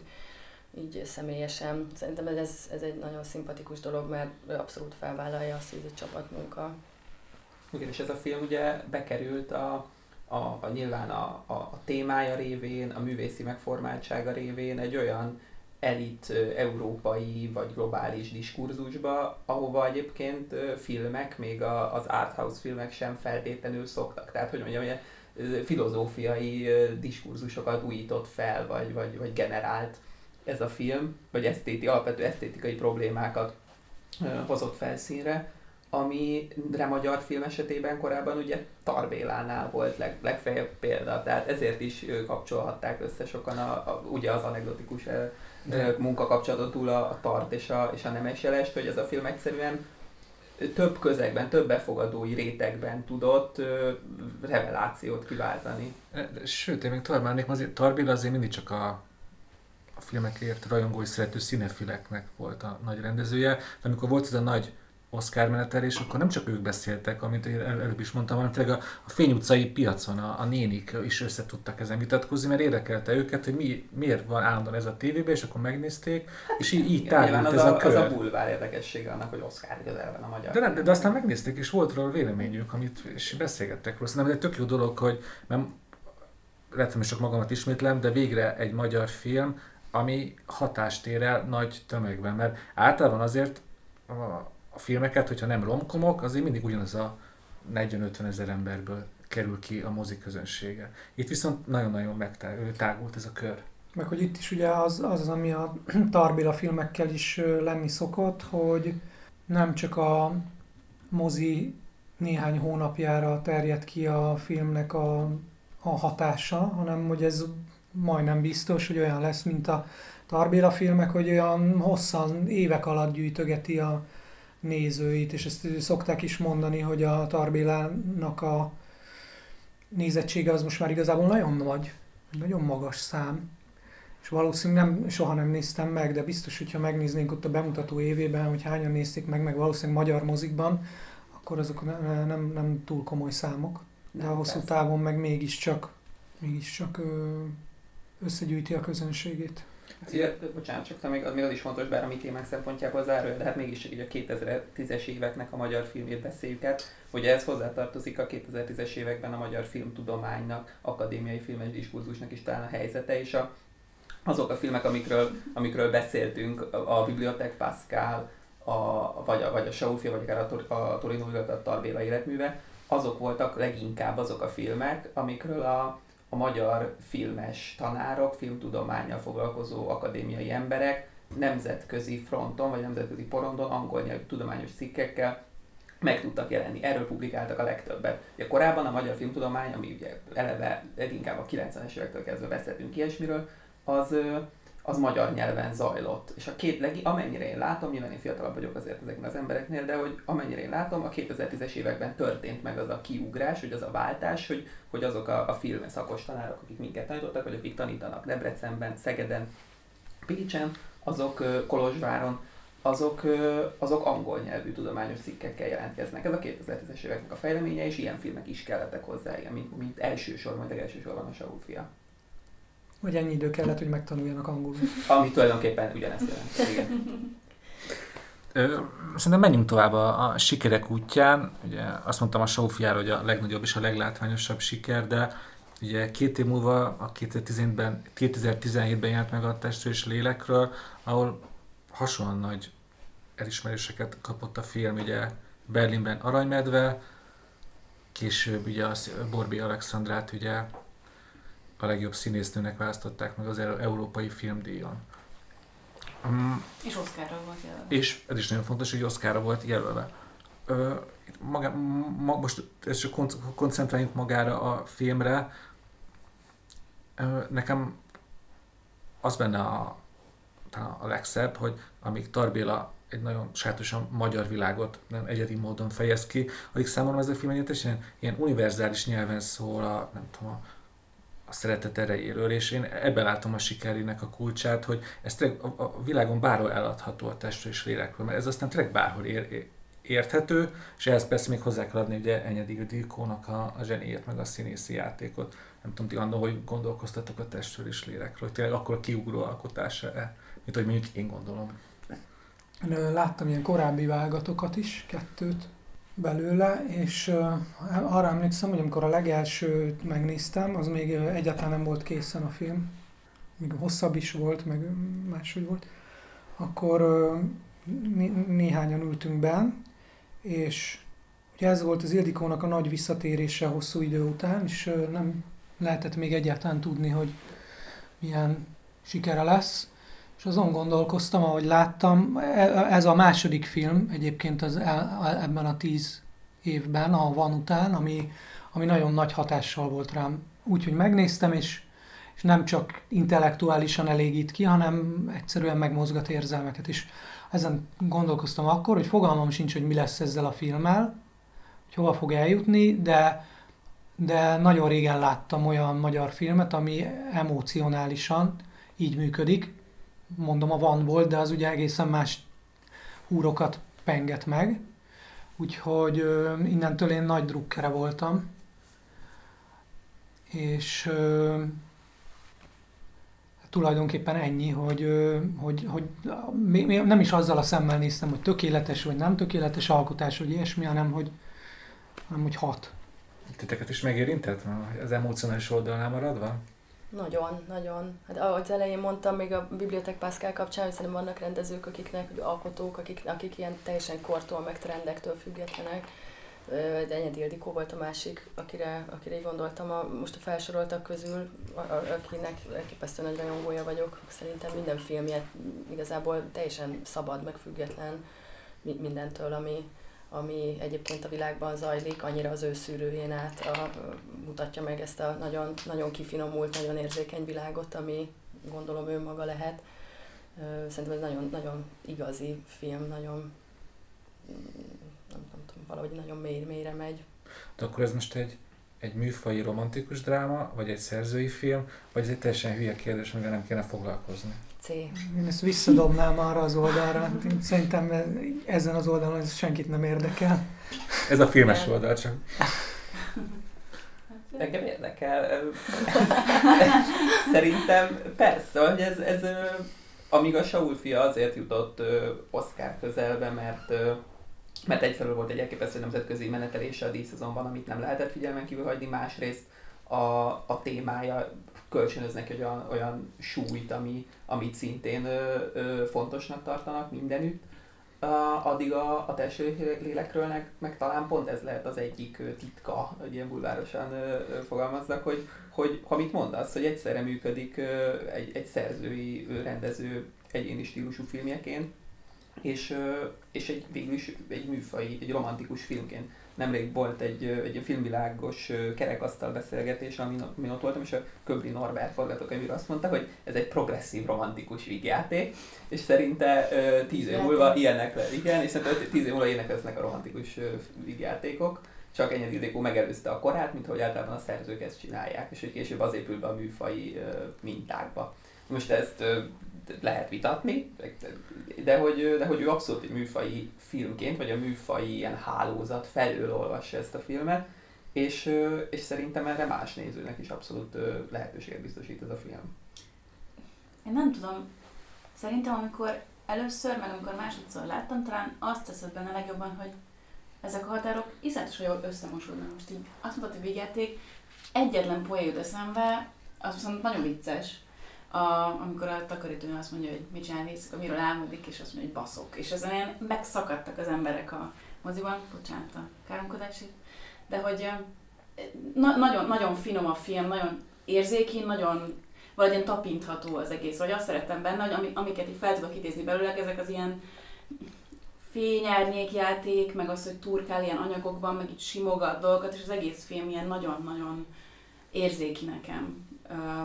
És ez maradt meg benne a legjobban, azt hiszem. E, e, ettől olyan különleges, azt hiszem. Hangokban is persze, de hogy így az, az érzetek, a tapintás, ugye Herbai Máté szerintem iszonyatosan gyönyörűen fényképezte ezt a filmet, és nagyon finom maradt az egész. Egyébként én, én értettem, ilyen szempontból megvédeném a, a köbli véleményét, de hogy én, én értem, hogy miért mondta, hogy vígjáték, tehát szerintem ennek a filmnek nagyon finom humora van. Az, ahogy ez a két ember ilyen bumfordi módon bénáskodva közeledik egymáshoz, az egy csomó szempontból vicces. Meg amikor a felsállal fizetik, vagy ilyen hentes névet áruval fizetik le a rendőrök. De nyilván ez a film nem úgy vicces, mint a papír, de vicces. Igen, Hogy gondolom biztos senkit nem, vagy tudom, hogy nem számít, hogy mi, mi lehetett az alkotói szándék, de én amennyire az Ildikót ismerem, szerintem neki eszébe nem jutottak ilyenek, sem az, hogy műfai, sem az, hogy vígjáték, sem az, hogy... Tehát, hogy ő szerintem fogta és gyomorból megírta ezt. Egy, azt tudom, hogy egy Nemes Nagy Ágnes vers az ihlető forrása, tehát hogy teljesen máshonnan van ez ö, fogalmazva, ettől függetlenül biztos, hogy föl lehet benne sémákat fedezni, mert hogy a történet maga, az eleve ugye séma, de azt, azt, azt sejtem, hogy az alkotói szándék az nem, nem ez volt. A testvérsülekről maradva, de még egy kicsit így eltávolodva, kibeszéltük a filmet, viszont volt számomra egy nagyon fontos részenek a filmnek a bemutatójának, mikor Enyedi Ildikó kint volt Berlinben, és tett egy erős politikai nyilatkozatot a, a német rádiónak, amit most nem fogok szó szerint idézni, de azt mondta Magyarországról, hogy itt rombolják a demokrácia alapjait és a demokratikus kontrollt, és szívesen lenne büszke a hazájára, de már hosszú évek óta nem tud az lenni, és ez fáj neki. És amúgy később egy kicsit így vissza is táncolt, hogy nem akarta ebbe az irányba elvinni a diskurzust a film, től, de ami, ami engem érdekel, nem is maga a nyilatkozat, csak hogy van egy rendező, egy filmes, aki, aki pénzt kap az államtól a közelből, az, mi, mi, mi, mi, mi, ez a kötelezettség, amit ő vállal? Mert például ilyenkor ugye nagyon erős támadást kapott az Ildikó, amiatt, hogy ő támadja azt a, a országot, ami pénzt ad neki. A, azért a pénzért cserébe, amit egy filmes kap az államtól, mi az, ami elvárható, és mi nem? Igazából ez a rövid kérdésem gondolom egyetértünk a válaszban, válaszban hogy mi a, mi, mi, a, mi a kérdés. Én, hogy, szerintem, én szerintem, ami elvárható tőle, ha pénzt kap, hogy csináljon jó filmet, és ezt szerintem teljesítette. Tehát ö, semmi más, az, hogy neki mi a személyes, politikai vagy bármilyen véleménye bármiről, annak semmi köze nincsen. És egyébként ez persze nem azt jelenti, hogy akinek nem sikerül jó filmet csinálnia, annak ö, bármilyen másfajta kötelezettsége lenne, csak itt szerintem eleve van egy rosszfajta gondolkodás, hogy mint hogyha kegyet gyakorolna az éppen aktuális hatalom, hogy ő most hajlandó volt filmet adni. Egyrészt hála a jó Istennek, ugye pont erről beszéltünk, amikor az elején arról volt szó, hogy a Vajna rendszer szépségei és nem szépségei, hogy szerencsére egyáltalán nem így működött, hogy fentről hatalomból lettek volna eldöntve a filmek, úgyhogy ilyen értelemben nem is közvetlenül onnan kaptam, másrészt meg mint hogyha az lenne szerintem elfelejtve, hogy azok az emberek, akik megbízást kapnak az állampolgároktól, ők ugye elvileg a hazájukat kéne, hogy szolgálják, és az, hogy a kultúrára van pénz, jelen esetben a filmre, az ugye egyik része, de aktuálisan beszélhetnénk a színházról is, csak ez nem, nem az most, az, az éppen mindig az aktuális politikai kurzusnak a kötelessége, hogy ezt a pénzt odaadja a kultúrára, és ez ennyi. Ennyi a dolga. Nem kell megrendelni, hogy milyen típusúaknak kell lenni a filmeknek, vagy bármi másnak, és nem kell hálát elvárnia azért, mert ezek a pénzek arra vannak, hogy ezt éppen a filmre, a másikat a színházra, a harmadikat a, nem tudom, irodalomra adják. Én ezt, én, én ezt gondolom erről. Hát szerintem az egy nagyon nagy és egy elterjedt képzet, hogy, a, hogy adófizetők kis forintjaiból van finanszírozva a magyar filmgyártás, mert ugye nem a hatos lottó utáni pénzekből jön össze, ez az azt hiszem, hogy eddig 6 milliárd forint, ami az éves kerete volt a film alapnak. Egyébként meg nyilván teljesen egyetértek a Misivel, tehát ez nem, nem, nem, nem, nem hiszem, hogy jó, egy, hogy mondjam, egy ideális világban ez semmilyen fajta direktíva arra vonatkozóan, hogy, hogy, hogy valakinek mit jelent a művészi szabadság, nem kéne, hogy legyen addig, amíg más típusú határokat nem lép át. Nyilván lehet miről vitatkozni, mondjuk eszembe jut a Nemes Gyula filmje az Éró, ahol ha jól emlékszem, vagy valami Orbán Viktor jelent. Dinnyire volt ráfénymásolva Orbán Viktor arca, és legint géppuskázták. És akkor a satírozás miatt. Igen. Sokkal többet beszélt. Csak ebben annyira egyértelmű volt, hogy ez egy szatír, és az egész azért van, hogy... És igen, hogy igen, és az egész, és az egész azért van, hogy beszéljünk róla. Igen. Jó, ez, nekem erről az a véleményem, hogy egy demokráciának ezt is el kell bírnia. Igen. Tehát, hogy lehet, hogy az ízlésünket sérti, vagy más másmilyen módon beszélne, de hát ezt, ezt, ezt el kell bírnia szerintem egy demokráciának, ugyanúgy, mint hogy azt is el kell bírnia, hogy esetleg mm, egyes művészek éppen nem boldogak attól, ami történik az országban. Persze, ez világos, és ebben nyilván mindannyian egyetértünk, csak azért azt tenném hozzá, hogy amióta a magyar film egy állami pénzosztó szervezeten keresztül ö, kerül finanszírozásra, tehát amióta az úgy finanszírozzák, azóta végig kísérik az ilyen típusú elvárások, politikai direktívák, akaratok, beszólások, pengeváltások ezt a történetet. Tehát ez, ez, egy, ez sajnos egy, egy adottság, és talán majd megérkezünk egy olyan, nem tudom, demokratikus állapotba, amikor ez nem lesz, de egyelőre nem tartunk itt. De én olyanra is emlékszem, ahol viszont konkrétan a film alap volt a, a, a, aki vagy ami, ami. Ö, azzal érvelt, hogy azért meg kaptál pénzt, azért ne dumáljál, és ne kritizáld a film alapot, ami nyilván egy ugyanolyan hülyeség. Persze. Sőt, általában az a kétféle ér volt, hogy vagy az, hogy ha kaptál, akkor ne kritizáld, vagy te azért, nem, azért kritizálod, mert irigy vagy, mert nem kaptál, és tehetségtelen irigy Persze. beszél belőled. Ez azért egy nagyon nehéz helyzet, mert nem nagyon, vagy én legalábbis nem látom, hogy milyen más modell lehetne, mivel még gazdasági szempontból nem tud sikeres lenni itthon a filmgyártás, ezért, ezért itt, itt ez, a, ez a egy hivatalos módja tud annak lenni. Lehet, hogy ennek biztos, hogy nem lehet, hanem biztos, hogy van jobb, jobb verziója, meg még jobb verziója, és hát ha igen, elérkezünk oda, de, de egyszerűen nem, nem tud más alapokra kerülni a finanszírozás. Nem, persze. Hát, most két dolog jutott eszembe. Egyrészt, hogy nyilatkozta ezt a Ildikó, utána erre nagyon kemény válaszokat kapott itthonról, viszont kapott pénzt a következő filmjére is, a feleségem történetére, ezt most azért itt jól leszögezni. Koprodukció. Ami ugye európai kódprodukció. A másik még te mondtad, hogy Magyarországon szinte lehetetlen gazdaságilag sikeres filmet gyártani. Ha jól tudom, azt hiszem egy van ebből az évtizedből, van valami furcsa és magyar. És a Saúfia. És a Saúfia is? Az... Igen, de hát a Saúfia azért, mert eladták kb. a világ összes országában, amik közül gondolom kiemelkedik az amerikai értékesítés. Tehát, hogy az meg mind, mindkettő egy annyira, annyira egyszeri történet, Igen. amire nem lehet Egyébként a mi filmünk is ilyen, nem, az, nem akarok de hát mondjad. hazabeszélni, de az is csak azért, mert rettenetesen kevés pénzből készült, és így, így de hát ezt tudjuk mindig, hogy De akkor ti is konkrétan is. a forgalmazási jogokból tudtatok nyereségesek lenni? Hát ugye? nem én vagyok belőle Igen? nyereséges, csak azt mondom, hogy az a, az a, az a kicsi befektetett pénz, az szerintem most már az, hogy itt ott, ott külföldön megy, meg tévének, meg ide-oda sikerült eladni, ez Igen, kb. például, például többek között az HBO-nak is eladtátok, azt látom, hogy Igen, felvette. igen, igen. Savaztuk már kicsit a, a film alapot, mi közben a, a, a sikerét is sorra vettük. Szerintem egy nagyon fontos film van, még kettő, amit még mindenképp ki akarok emelni, az egyik a Papapia. Ez, hogy, hogy én azon gondolkoztam, hogy számomra ugye, nyilvánvalóan jó filmek úgy jönnek létre, hogyha mellettük csinálnak legalább háromszor rossz filmet, szóval nem lehet csak jó filmeket gyártani. Számomra a Papapia azért egy ilyen emlékezetes pontja a évtizednek, hogy az már annyira rossz, hogy én már szórakoztam rajta. És én azt bármikor, jó, eddig csak egyszer láttam, de így el tudom képzelni, hogy nem sokára megint előveszem, és végig szórakozok rajta. Jó Nem- szórakozás. Nem tudom, Nem ti- láttad a kölcsönlakást? ő, azt láttam, soha többé nem akarom látni. Azt csak szimplán borzasztónak tartom.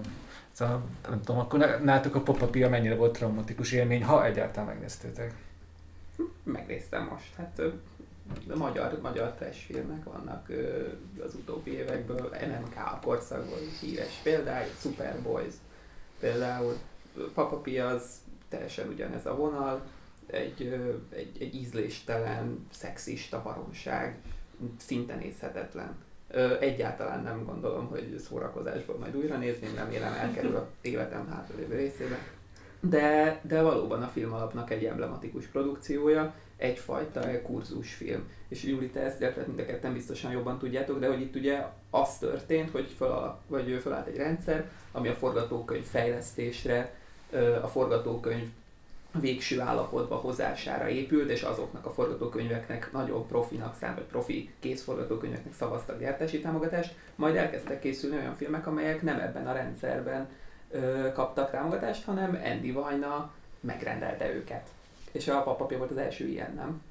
Hát visszatérve egyébként az előző témára, én kicsit úgy valamennyire belülről is, mint, mint mondom, mint filmalapos fejlesztő, aki nagyon alacsony szintjén álltam, vagy állok a, a, ennek a piramisnak, és kevés dologba látok bele, de olyasmit őszintén soha nem, nem tapasztaltam, hogy bármit ilyen politikai, vagy magyar történelmi politikai jogból ö, rendeltek volna, vagy utasítottak volna. Én speciál arra semmilyen kérést soha nem kaptam, hogy egy adott forgatókönyvet majd milyen irányba kéne inkább terelgetni. De ennek az is az oka, azt hiszem, hogy ami viszont igen valóban látványosabb volt, hogy abszolút kendőzetlenül elkészült pár olyan film, ami viszont egy teljesen személyes indítatásból, azért mert konkrétan mondjuk Andy Vajna preferálta a műfajt, az alkotót, nagyon volt egy neki is egy alkotói víziója arról, hogy egy ilyen, ilyen filmet szeretne elkészíteni. A Papa Pia abszolút ez a, igen, ennek a, a, a, az emblematikus megtestesülése, hogy nagyon meggyőződése volt, hogy, hogy szükség van egy ilyen zenés vígjátékra. Az, hogy aztán ez hogy sikerült, az is szerintem sok mindent, sok mindent mutat a, a rendszer működéséről. Nem tudom egyébként, hogy volt-e például forgatókönyvfejlesztése ennek a, ennek a forgatókönyvnek. Egy nagyon elismert neves forgatókönyvíró volt a szerzője, de amennyit a forgatásról hallottam, ott nem, nem, nem is feltétlenül a kezdetekkor bukott el ez a dolog, hanem inkább a, inkább a kivitelezésnél, ami meg szerintem teljesen jellemző valahogy egyelőre sajnos nem csak a filmes területre, hanem a tévére is ugyanúgy még korábban dolgoztam több tévésorozatban, amik ilyen heti sorozatok voltak, és, és, és is izokogtunk szerintem a, munka alatt azon, hogy ez, ez akár jó is lehetne. És lehet, hogy én nem tudom, nem ismerem a Papa Pia forgatókönyvét, nem tudom, hogy az mennyivel lehetett volna jobb, de azt akarom hinni, hogy lehetett volna jobb ennél, hogyha nem, nem az a gondolat, hogy meg lehet írni egy teljes filmnyi soundtracket két hét alatt, és hogyha a táncosok reggel reggel próbálják be legelőször a koreográfiát, akkor azt le fogják tudni táncolni majd a, abban a négy órában, ami alatt mondjuk fölvesznek egy ilyen komplet, komplet katarzis ö, jelenetet. Szóval uh-huh. Meg hogyha nincs tánc is ennek, akkor van helyett a láma. Hát nekem az a-. Az a bajom ezzel, de teljesen máshonnan nézem, hogy az, amit már többször itt különböző témáknál följött, hogy az, amit én képzelek arról, hogy demokrácia, abba az nem fér bele, hogy egy kormány biztos kitalálja, hogy milyen film legyen. Tehát, hogy ő neki ez ö, egyszerűen ne- nem tartozik a feladat körébe, sőt, nagyon súlyosan átlépi a feladat körét azzal, hogy ő megrendel filmeket, ö, amiben felbukkan a felesége is, ugye ez már közel, közel, közel van ahhoz, amit korrupciónak szoktunk nevezni, és egyáltalán az, hogy ugye amit itt az előbb a kultúra meg a művészet szabadságáról beszéltünk, tehát az, hogy fölülről próbálja irányítani valaki azt, hogy milyen filmek kellenek. Nekem egyébként az a problémám azzal is, hogy egyszer csak jöttek emberek, és azt mondták, hogy mostantól műfai filmet kell csinálni, hogy egyáltalán nem nézték meg, hogy milyen a, az a legelő, ahova betették a lábukat, és hogy ott körülbelül mik a hagyományok, és hogy természetesen saját magától milyen típusú ö, élet van, ö, hanem ilyen erőszakos módon elkezdték nyomatni, úgyhogy ennek szerintem nem véletlenül nem beszéltünk itt egy ö, klasszikus ö, műfai filmről sem, mint a kiemelkedő alkotások, mert nem tudom, hogy hol vannak azok az emberek, akik ezt így tudnák csinálni ö, Magyarországon, és ö,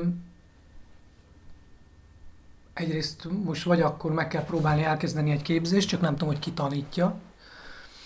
Másrészt meg egyáltalán nem biztos, hogy ez az út. Meg nem, meg egy, nem tudom, hogy lehet-e tényleg így beavatkozni, hogy mostantól. Ez ugyanolyan, mint hogy, hogy percenként halljuk azt, hogy a magyar nép történelmi filmekre vágyik, de ez valójában ez egy...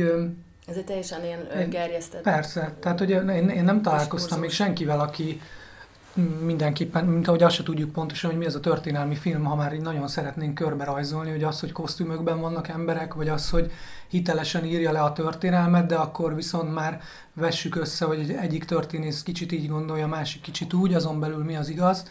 Tehát, hogy ez azért egy rettenetesen bonyolult dolog, ez is egy olyan, hogy így fölülről bedobta valaki, és akkor arról beszélünk, mint hogyha itt mindenki erre vágyna, de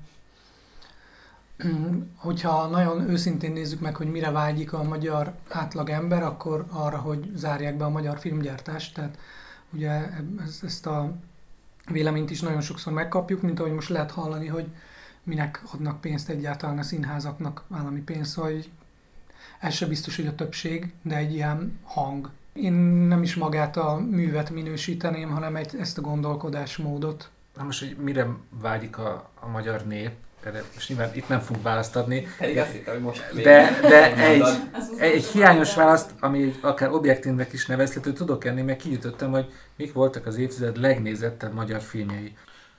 A hatodik legnézettebb volt a Papa Pia 227 ezer nézővel, a legjobb ötbe befért a Saul fia 269 ezer eladott jeggyel, aztán jött a Bujék 273 ezer nézővel, és a legjobb három volt a Viszkis, több mint 300 ezer nézővel, aztán a Valami Amerika 3 372 ezer adott jegyel, és az elmúlt évtized legnézettebb filmje a Kincsen volt 456 ezer nézővel.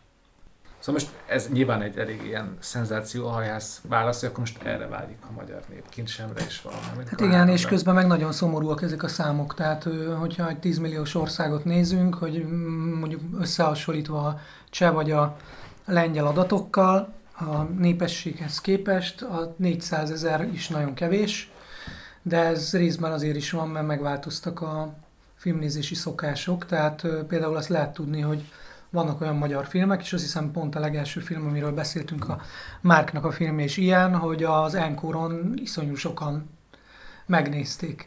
És ezek ugye nem fognak soha beleszámítani a hivatalos nézettségbe, és hát az is, azt is meg kell nézni, hogy melyiknek mekkora kampánya volt, mert az is nagyon sokat számít, és ezt hozzá kéne csapni a költségvetéséhez, ami ugye sose történik meg. Hát ez így, azt mindannyian láttuk, hogy például hogy a kincsemnek akkor a kampánya volt, ami ezt foghatottam, nem is láttam így magyar mozik Hát környékén. valószínűleg a papapiának hasonló volt, mert szerencsére pontok Igen, hát hogyha. Rőri Géza bennült volna egy hétig a Balázsnak a reggeli rádióműsorában, és vicceseket mondott volna, akkor még többen megnézték volna a Saul fiát, mert hogy ez másik filmekkel megtörtént, ami egyébként szerintem egy jó kampányfogás, tehát ezzel nem cikizni akarom, csak hogy ha nem ugyanolyanok a lehetőségek, akkor...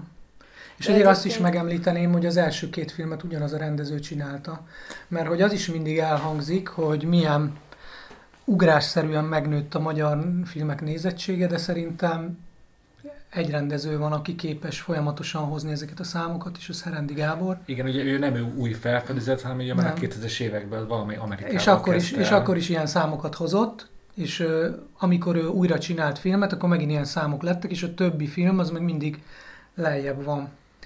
Tehát szerintem egyébként jelentős, sose hasonlítottam össze, de szerintem jelentős változás a nézettségben az MMK-s időszak meg a filmalap között nincsen, tehát ugyanazon, szerintem ugyanannyi néző van, aki hajlandó magyar filmet nézni. Ugye ez nehéz megítélni pont amiatt, amit mondtál, hogy, hogy összességében csökken a mozis, vagy egy jó ideig csökkent a mozis látogatottság, de ha az utóbbi 30 év legnézettebb magyar filmét nézzük, akkor a, az MMK időszakból a miniszter félrelép a, a legnézettebb a mai napig. Jól emlékszem arra, hogy a kincsem volt az első, ami túllépte a 1 milliárdos, 2 milliárdos költség. Az egy ilyen... Nem, ez még a hídember, szerintem.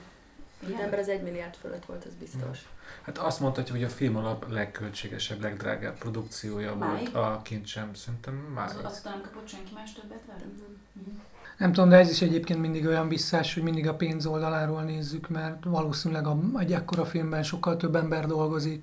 Tehát azért ez nem úgy van, hogy hazamegy valaki egy milliárd forinttal egy nagy zsákban, és akkor valamit utána bemutat, hanem ez egy ipar ilyen értelemben. Ugye ezt te is érintetted, hogy ugye Csehországban meg Lengyelországban arányosan sokkal többen néznek hazai filmet, és most számot nem fog tudni, de például Lengyelországban az egyik legnézettebb film tavaly a Claire, Klérus tele magyarul, ami konkrétan a, a katolikus egyházról szólt, és egyáltalán egy ilyen romkom volt, és ugye Lengyelországban a katolikus egyház témája az itt az elég hogy mondjam, ellentmondásos és érzékeny dolog, és így is nagyon sok, nagyon sok emberbe tudott vonzani. Szóval tényleg, hogy, hogy van mit tanulnunk, már, már a régióból is, a többi országtól is, hogy bátrabbak lenni. Én mindig ezt nézem, hogy számomra mindig a, a lengyel film, ahol áll, meg hogy bevonza az emberek, az mindig egy követendő példa például, ahogy ők csinálják. Mondjuk egyébként az okait ezt nem tudom, mert nem, nem túrtam ennek soha a mélyére, hogy ez mitől van, hogy ott jobbak a számok, de, de azt azért tényleg, a, nem, persze ezt sem tudom, hogy mennyire lehet lemérni, de az ilyen kommentelésekből minden magyar film, teljesen mindegy, hogy mi az, mindig megjelenik, hogy ezeknek soha ne adjatok egy kurva fillért se többet. Ez, ez szerintem nincs olyan film, ami nem kapta volna meg. Azt nem tudom, hogy ez mennyire egy jellemző vélemény. Hát én nem ti kommentekből, hogy annó, nagyon sokat olvasgattam így magyar filmek kapcsolatban, amit kiolvastam, hogy, hogy van egy, egy, egy, egy hosszú idők óta erősödő bizalmatlanság a magyar film iránt. És ez igazából ab, abban nyilvánult meg, hogy a kritikusok is, meg a nézők is csomó olyan kritika címet, vagy kommentet olvastam, hogy végre egy jó magyar Jó, de hát ez vígjáték. borzasztó. Végre ez, egy jó magyar Igen, de thriller. ez, ez Pest is, tehát ez a, ez a végre ö, műfaj, ez ö, amit 2010, nem tudom, háromban Liza Róka Tündér, végre egy jó, úristen. És Tehát ez, ez, ez ezt nagyon káros. el. Így van, Ez, ez, Na, ebben egyetértünk szerintem is. Ez egy lusta és káros újságírói megoldás.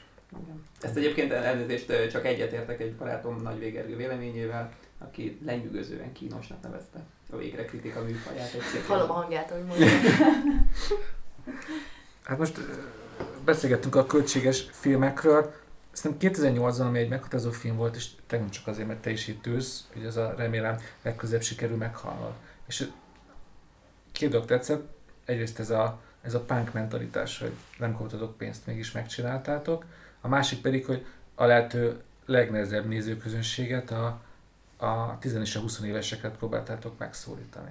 Hát most, most örülök, hogy nincsen izé, streamelés, mert látnák, hogy én nagyon nem tudnék pánk lenni, mert nincsen hajam.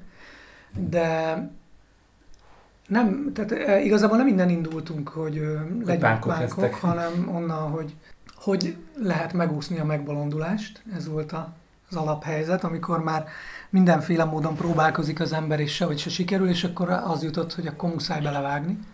Tehát ez ennyire egyszerű. És az sem úgy volt, hogy akkor csinálunk egy filmet, és megpróbáljuk azt a közönséget, hogy, hanem onnantól kezdve, hogy kiderült, hogy erről szeretnék filmet csinálni, az úgy kijelölte, hogy nyilván nekik is szól, akik, akik a szereplői. Szerinted, te, hogy ez, volt nagyon sok vetítés, azt hiszem iskolákba is elvittétek. Sikerült megszólítani őket? Így, így kilakult párbeszéd? Ja, hát az ilyen ö, ö, közönségtalálkozós beszélgetéseken általában igen. volt, volt olyan is, ahol, ahol kevésbé szólaltak meg, és volt, ahol meg nagyon ö, tudtunk beszélgetni róla, de én amúgy sem gondolok soha úgy a közönségre, mint ahogy ez így el szokott hangozni, hogy a közönség. Szerintem ennél sokkal rétegzettebb a közönség is, hogy ö, hogyha egy film megtalálja a közönségét, és nem csak az van, hogy a mm, alkotónak az anyukája meg a unoka testvére nézi meg, akkor, akkor az már nem egy, nem biztos, hogy egy sikertelen valami. És itt most egyáltalán nem a saját filmemről beszélek, hanem csak az, hogy itt beszélgettünk egy csomó filmről, és ez szerintem egy teljesen téves szemlélet, hogy dobálózunk itt ezekkel a számokkal, hogy hú, amit ö, nem tudom hány százezeren néztek meg, akkor az, az milyen siker, vagy mennyire nem siker. Persze, nyilván matematikailag, amit sokan megnéznek, az valószínűleg sikeresebb, mint amit kevesebben, de ez nem biztos, hogy azt jelenti, hogy más film. Mondjuk a Van például szerintem egy vagy nem csak szerintem, az egy kultuszfilm lett, és valószínűleg még az lesz egy ideig, és nem 400 ezeres nézettsége van, hanem nem tudom mi a szám, de mégiscsak Amúgy nagyon magas fontos. már, ilyen 80-90 ezerig elment talán van. Moziban. Igen. Mm, szerintem ha, nem 60 Szerintem vagy 60 60. emlékszem. Akkor azt most kivágjuk. Hát, Egészen én- 60 ezerig elment a van, most belerögtünk. Bocsánat. Hát értem, de hogy egyébként nem, miért csak a mozit nézzük, tehát most Ja, biztos már DVD-n is elérhető, Igen, az is. nincsenek számaink. Busz, buszos vetítés is volt, és az egy tök jó dolog volt. Tehát végül is a közönség ugyanúgy közönség akkor is, hogyha a Persze. tévében nézi meg. És e- ebből, hogy így minimális pénzből gerillából leforgattátok, számomra mi volt a tanulság, hogy ilyet ember életében egyszer csinál, vagy hogyha minden kötél szakad, akkor megint ezt fogom csinálni. Hát uh, akkor, amikor kijöttünk ebből az egészből, akkor azt éreztem, hogy ezt soha többet nem lehet megcsinálni. Egyszerűen azért, mert annyi embert től kérünk uh, szívességet, és olyan kellemetlen egy ponton túl magyarázni, hogy, hogy mindig elmagyarázni, hogy mennyire fontos a munkád, mennyire becsülünk, de közben mégse tudjuk kifizetni. Aztán, ahogy a történelmi idők változnak, és az embernek fogalma sincsen, hogy mi lesz, meg a saját kis életünk is halad előre, és nyilván nem szeretnék tíz éveket várni egy következő filmre, néha megfogalmazódik bennem, hogy lehet, hogy aztán majd ki kell találni valamit, ami egy szál telefonnal is működik. Egyébként szerintem egy ideális világban igen egyszer kéne ilyet csinálni annak, aki nem kifejezetten ez, ez, erre, ebben talál izgalmat, és ezt, ezt élvezi. Tehát erről sok vita szokott lenni, hogy akkor hogy a nagyon ö, idős, nagy renoméjú rendezőknek meddig kell lehetőséget adni, bi- biztos jó-e, hogyha elkészül még egy film, szóval szerintem ez a másik véglet. Én például dolgoztam az Aurora Borealis című filmben, mint nem tudom mi, látványtervező asszisztens, azt az egész forgatást áthatotta az, hogy hát ezt már nem kéne megcsinálni, mert hát most a Mártának ez már csak egy ilyen ajándék. Aztán az is csinált, azt hiszem, hogy egy ilyen 60 ezres nézőszámot, amiből kiderült, hogy bőven van közönsége is. És, és szükség volt még erre a filmre, ez meg szerintem a, hogy mondjam, egy karriernek az eleje, ahol, ahol ahol, ahol szerintem igenis mérlegre kéne tenni azt, hogy azt, hogyha valaki foggal körömmel el tudja készíteni így a filmjét, akkor az, az, az érdemes lehet arra, hogy valami nagyobb figyelemre, vagy, vagy egy, egy nagyobb támogatásra utána egy ideális világban. Hát most még nagyon sok filmet lehetne emlegetni az évtizedből, de vagy el kell jutnunk 2020. január 1-ig, amikor ugye névleg is feláll a, a filmintézet, ugye a film alap, alapjain, szóismétlés. Arra vagyok kíváncsi, hogy akkor most te megint lelkes leszel, és megint elkezded beadni a, a Nekem, én terveket? már túl vagyok az első elutasításon az új, az új uh, rendszerben, úgyhogy uh, behúztam ezt a... Első. Komolyan. De hát majd valami lesz, nem tudom. És mesélsz arról, hogy, hogy az új rendszer ö, hogyan magyarázza meg, mit mondtak neked, vagy mit írtak? Ja, semmit nem magyaráznak, kaptunk egy, ö, egy fogalmazmányt, amiben beleírták, hogy itt egy kicsit jó, ott egy kicsit nem jó, és nem kérjük, hát körülbelül ennyi, nincs, nincs sokkal ugyanolyan, mint az előző. Tehát e- most még ez nem, még egyébként nem hozzájuk adtuk be, csak megörülöklődött, és hát így, így jártunk. Júlia, jön az új évtized, arra te már végigvonultál már Kámban, Velencében, mint színésznő, viszont olyan még nem nagyon volt, hogy film, amit Jakab Júli írt. olyat megláthatunk tőled, hogy beadsz forgatókönyvet, ami a Amivel aztán vonulok egy... Hát a, a, a, azt már átadjon, vagy pontosabban az már a jövő zenér, csak hogy vannak továbbra is ilyen terveid, hogy, hogy forgatókönyv íróként is érvényesülsz. Én elsősorban dramaturgként dolgozom, és elég sok emberrel vagyok most is mindenféle projektekben, ilyen akár vonulás kompatibilis emberekkel is. Uh, igen, és, és, és írni is szeretnék, meg szeretek, meg szoktam is. Úgyhogy persze, nekem azért alapvetően ez az első számú uh, profilom, vagy hogy mondjam, elsősorban ezzel foglalkozom. Aztán majd meglátjuk, igen, hogy most, uh, most milyen, hogy jön meg, mi lesz pontosan a módja a filmfinanszírozásnak, és uh, mobiltelefonnal fogunk-e forgatni otthon, vagy uh,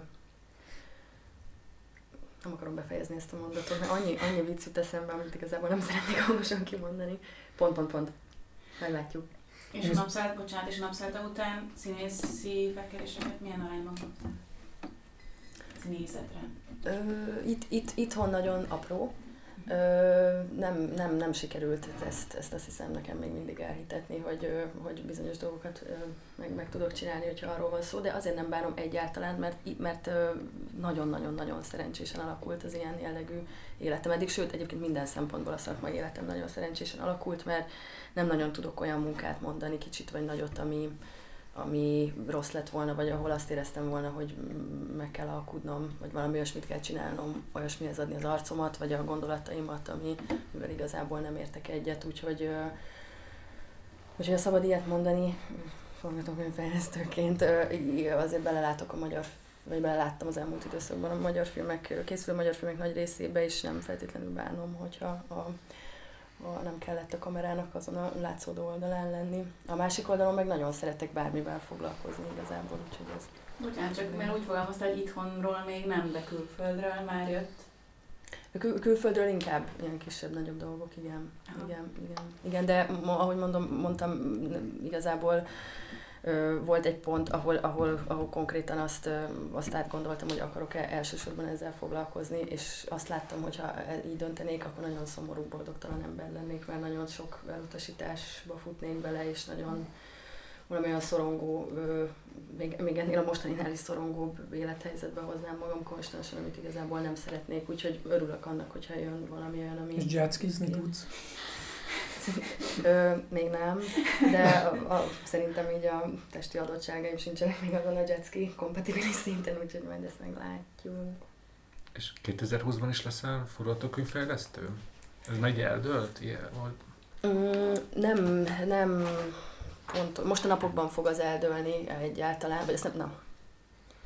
Elvileg most a napokban ki fog már az derülni, hogy ö, nagyjából mit képzel el a Leendő Nemzeti Filmintézet a, a forgatókönyvfejlesztésről.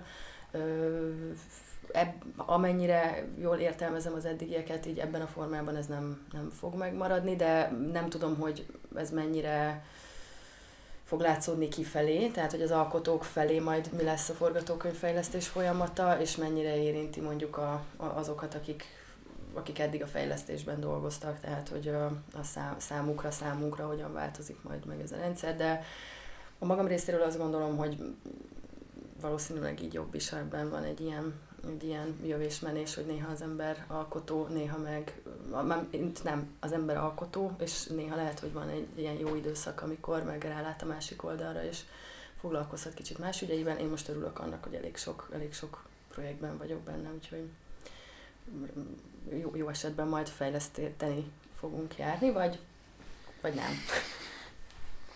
Szóval, hogy fel fogok tenni itt néhány, vagy bedobok néhány topikot, amire filmcímeket, illetve majd meglátjátok nem feltétlenül filmcímeket, hanem filmtervekre kell.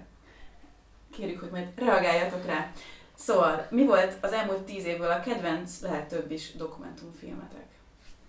Főleg magyar, de... Nagyi projekt, az ölés aktusa a külföldön. Könnyű leckék. Nagy projekt a magyarok közül, igen, a külföldiből pedig nem is jut eszembe a címe, amiről a tornászlányról szól. Ez tavalyi, tavaly a verziót szerintem megnyerte talán. Uh-huh. Igen, tudom, melyikről beszélni, és emlékszem. Orosz, orosz, orosz, nagyon, nagyon erős. Az egy nő fogságban, és a Totó és nővérei, vagy fivérei, vagy nővérei, nővérei, nővérei mert igen. lányok voltak benne. Igen, igen. Igen, igen az nagyon jó. Uh, igen, nekem Könyvelecki Kronyi projekt, én meg a létezés eufóriáját is felírtam, mert ez egy Ezt még nem láttam, úgyhogy jó film volt, igen, úgyhogy ez, igen. Film, amit a legszívesebben megmutatnál egy külföldi barátodnak. Bocsánatot kérek, az előző kérdésre akarok még válaszolni. Válaszolj, fejtsd ki! hogy a, az ítélet Magyarországon még egy olyan magyar dokumentumfilm volt, ami nagyon erősen megmaradt. Bocsánat. És nyugodtan m- maradhatnál, de szó, mert már van egy új kérdés is. Ami mi is volt? Amit szívesen megmutatnál egy külföldi barátodnak.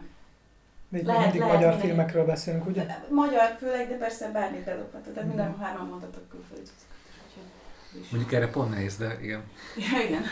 Akkor magyar filmek. És ugyanígy ebből az elmúlt tíz évből? Igen, Aha. igen. Hmm.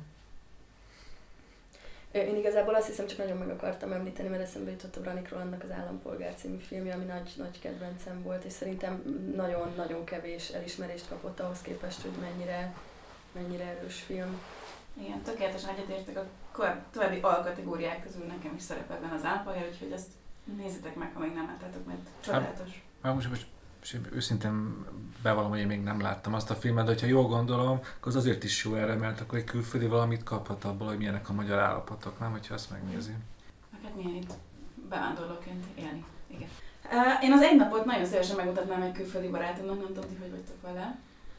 Persze, de bármelyik filmet, amiről beszéltünk, és, és szerettük, vagy külön-külön szeretjük, én nem hiszek ebben, hogy, hogy akkor most egy olyan filmet kell mutatni, ami, ami nagyon magyar, ezek mind nagyon jó magyar filmek. A Saul fiát, a Testről és Lélekről, az Egy napot, azokat a dokumentumfilmeket, amikről beszéltünk, az Egy nő fogságban tényleg. Bármelyiket, bármikor megnézem, bármelyik külföldi barátommal, nincs is ilyen sok külföldi barátom. Rendben film van, de, de az egy napnál én, én pedig nagyon kíváncsi lennék arra, hogy levetítetne- levetítetném mondjuk, nem tudom, egy, egy párizsi, berlini, londoni középosztálybeli családnak, és ők azt mondanák, hogy hopp, ez, ez az én életem is, vagy, vagy így bámulálnak, hogy úristen, ilyen van. Hát Szóval volt, ők- ilyen interjúkban mondta Igen, ezt az igen, Eli Zsófi na. annak idején, hogy Franciaországban nem hitték el, hogy ez egy középosztálybeli család. Szóval ilyen értelme ezt szívesen megmutatnám. Mhm. Jó, akkor a film, amit nem nagyon vártál, viszont pozitív meglepetés volt. Az vagy, nem nagyon vártam bele, érzek valami... Ö, Nem érdekelt annyira így Ja. el- előzetesben, viszont meglep, megnézted, és azt mondtad, hopp. Én szeretnék mondani egy filmet, csak nem szeretném ezt mondani, hogy nem érdekelt, mert érdekelt. Érdekelt, hogy milyen lett, lesz, és meg is lepett. Ez a Liza Alóka tündér volt, ami, ami ilyen pozitív. Uh-huh.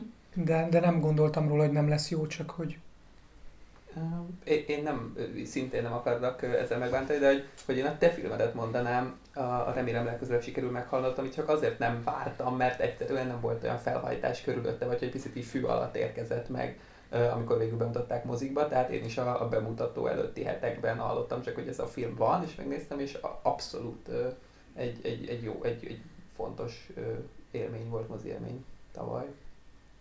Én, én olyat tudok mondani, ami, amit igen, én is vártam, de sokkal jobb lett, mint, amire, mint amit gondoltam volna, még annál is, de nem, nem, nem gondoltam, hogy rossz lesz, ez a virágvölgy, ami nekem nagy meglepetés volt, és nagyon-nagyon nagyon bírtam.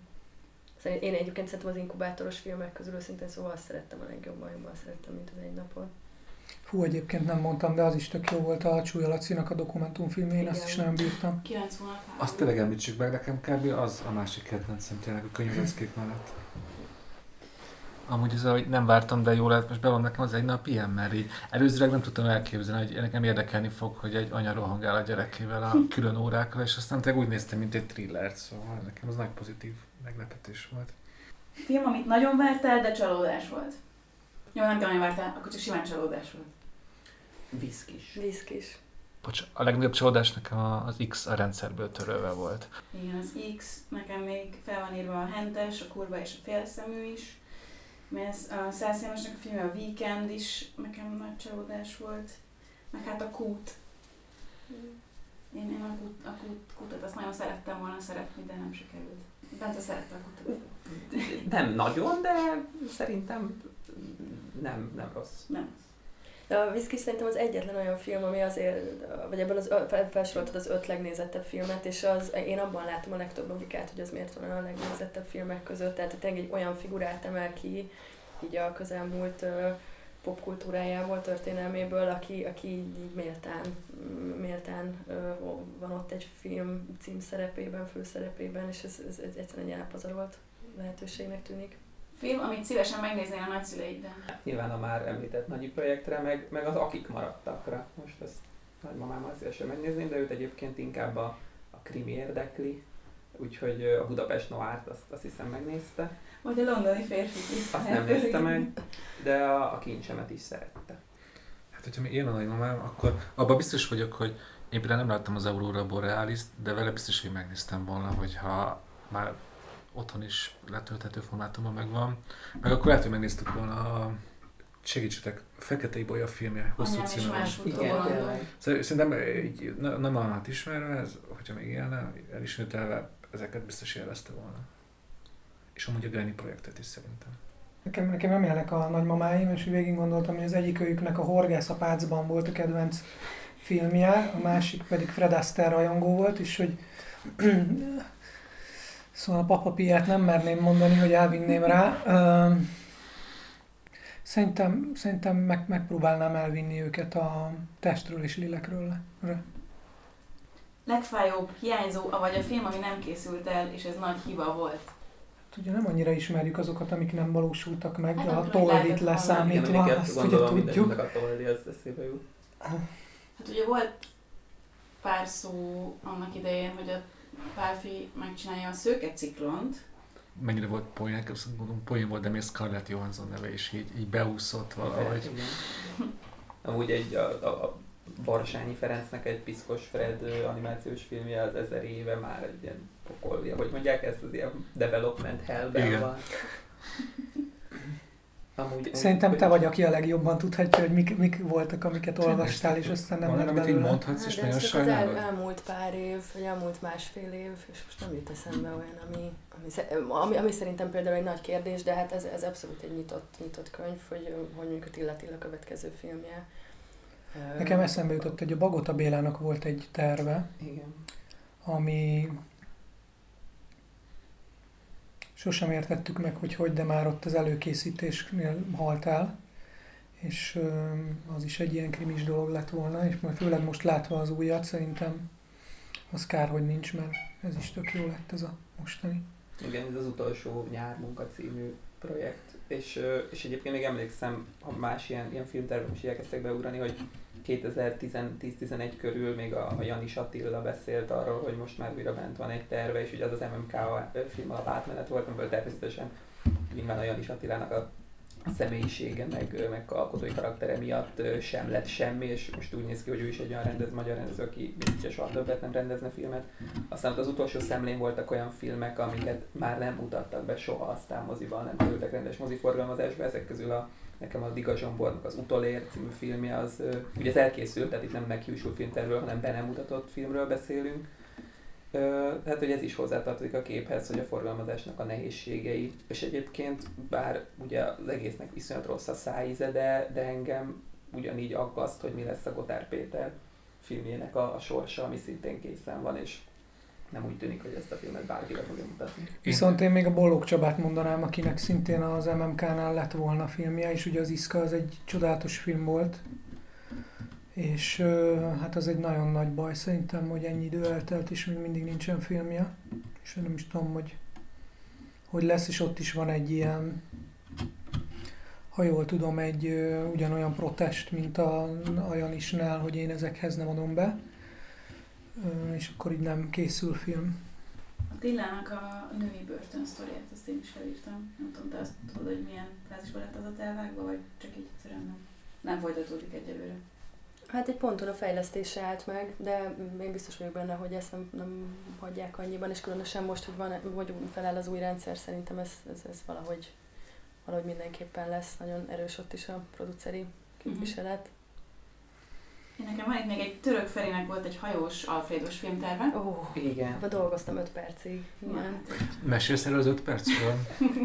Az, azért volt nagyon izgi, mert, mert ott meg most ez, nem, nem leszek elég akkurátus, mert régen volt, meg, meg, meg nagyon rövid ideig láttam csak bele, de az volt az elvárás, hogy, hogy nem elvárás, de azt várta volna igen a film alap, nem tudom jobban mondani, vagy talán maga Andy Vajna, hogy, hogy ez egy ilyen rocky-szerű sikertörténet legyen, ami egyébként Hajós Alfred élettörténetének az első 18 évében abszolút benne van, tehát végignézte, hogy az apukája vízbe fullad, és aztán kezdett el úszni, és valóban az első olimpián olimpiai bajnok lett, egy, ha jól emlékszem, két érmet is nyert, tehát ez egy fantasztikus történet, ha itt befejezzük. De a Ferinek volt egy sokkal nagyobb évű vágya arra, hogy, hogy egy teljes élettörténetet mutasson be, és nagyon kalandos, vagy látszólag kalandos élete volt Hajós Alfrednak, de, de, de aztán, aztán valahogy nem nagyon kelt, meg egy rövid ideig keltünk birokra azzal, hogy tulajdonképpen Hajós Alfred mindig minden típusú hatalommal valamilyen egyességre tudott jutni, általában jól jött ki a helyzetekből, ő sikeres lett ugye nem csak sportolóként, hanem aztán nem csak úszóként, hanem aztán építészként, és ha jól emlékszem, akkor ezt most kisebben mondani majdnem, de utána futballedzőként is, tehát még így a, így a sporton belül is több irányba. Ez egy, egy ilyen egy, egyszerűen csak egy, egy sikeres ember volt, aki mögé akkor így vagy ki kellett volna találni egy, egy olyan személyiséget, aki, aki kérdés, hogy ott volt-e valójában, vagy nem, meg hogy ennek hol vannak a határai, hogy meddig lehet ráaggatni valakire ilyen teljesen fiktív karakterjegyeket, meg eseményeket, és, és aztán így valahogy, én mondom, én nagyon rövid ideig voltam ebben benne, de, de így nem is találták már ezen a fogást. Egyébként erről eszembe jut egy másik, egyelőre nem tűnik, hogy nem megvalósuló projekt, az pedig egy Rothschild Klára életrajzi film, amin nagyon sokat dolgoztak az elmúlt két évben szintén, és egy nagyon hasonló, hasonló ö, sztoria van olyan szempontból, hogy nagyon hasonló karakter, hogy egyszerűen így mi, mi, mindig minden rendszerek, hatalmak között úgy jó, jó utat talált magának, de egy nagyon nehéz megtalálni a drámát az életében, pedig az övében aztán pláne volt. Mert aztán Erről meg eszembe jutott a Fligov Bencének a Csernobil filmje is, ami uh, nyilván nagyon azt hiányzik volna mondani.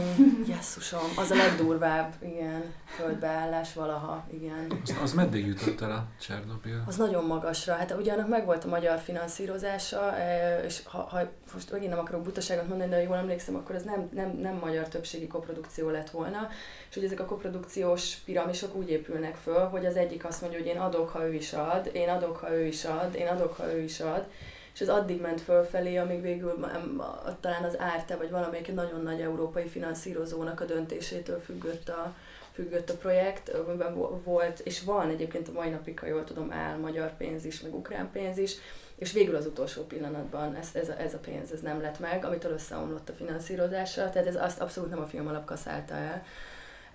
És utólag azért már azt látni lehet, hogy ott nyilván ők tudtak akkor már a sorozatról, talán benne is voltak egyébként co-producerként, vagy valamilyen pénzzel a hmm. sorozatban, csak ak- a, annó azt akkor még így a Bencéig nem tudták, és akkor ez sajnos így egyelőre, egyelőre szintén parkolópályára került, de azt hiszem, hogy a megítélt pénzek talán még így, az még így hatályos, tehát még bármi lehet.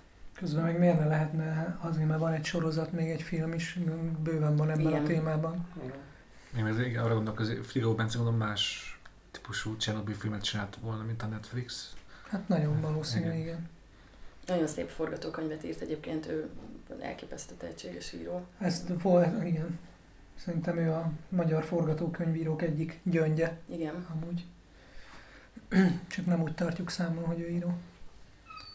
Én itt bedobnék meg egy párat, de azt mondom, hogy lejárt az időnk. Melyik volt az a magyar film mondjuk az elmúlt tíz évből, ami mondjuk azt vagy egyfelől mondjuk minden nap eszedbe jut, vagy valamiről így eszedbe jut az utcán, vagy mi az, ami miatt így, ami megváltoztatta az életedet, hogy mit tudom, más színű zoknit hordasz, vagy másképp gombolod be az ingedet, vagy valami hasonló dolog, ami mondjuk fogmosás közben eszedbe jut. Igazából mindegy lett volna, hogy mit kérdezem, mert amit még szerintem, vagy szerettem volna mindenképp megemlíteni, de tehát abszolút bár tudok improvizálni, miért lesz válasz az Ernelláig farkaséknál. És szerintem az talán azért is tudja befolyásolni, hogy hogy veszem fel az oknit, egy jó előképe akár most ennek a Noah Baumbach filmnek, hogy hogyan, vagy egyébként az egy napnak is, hogy hogyan lehet rá fókuszálni olyan hétköznapi mikroeseményekre, amik, amikben igenis ott van a dráma. És ez egy ez nagyon nagy feladat, és egy szép, szép és méltán nagyon sikeres teljesítés, és abszolút beleillik abba a sorba, amiről már sokat beszéltünk ma. Nekem a harmadik film, ami nagy hatással volt rám az elmúlt tíz évben, és magyar az a Ernelláig Farkasiknál, a már említett kettő mellett. Szerintem, ha, ha így teszed fel a kérdést, hogy ami a, a hétköznapokban a legtöbbször eszedbe, hogy a legtöbbször kerülök a helyzetbe, hogy erre a filmre gondolhatok, az a, az a van. de a, az utóbbi tíz év legkivételesebb magyar filmes teljesítménye pedig a Sauk fia. Én csak attól nem veszel fel másmilyen zoknit. Hát Jaj. Egy filmről nem esett szó. És az a köntörfalak. Csomó filmről levegy. Hát ez 10, 2010. Persze király, de hogy azt hittem, hogy csomót mondhatod volna nem tudom, az 1945-öt, vagy még a fájlakát, igen. köntörfalak. A köntörfalak. Ré- Ezt ezt el kell mondani, hogy most ha igazságosak akarunk lenni, akkor ez a podcastnek még legalább másfél óráig kéne tartania, de ez, ez most nem arról szól, hogy igazságosak vagyunk, hanem hogy megpróbálunk egy értelmezhető időkereten belül eljutni 2010-től 2020-ig, és azt hiszem azért ezt nagyjából teljesítettük, és hát nagyon köszönöm, hogy itt voltatok, Köszönjük és boldog karácsonyt mindenkinek! Sziasztok! Sziasztok! Sziasztok!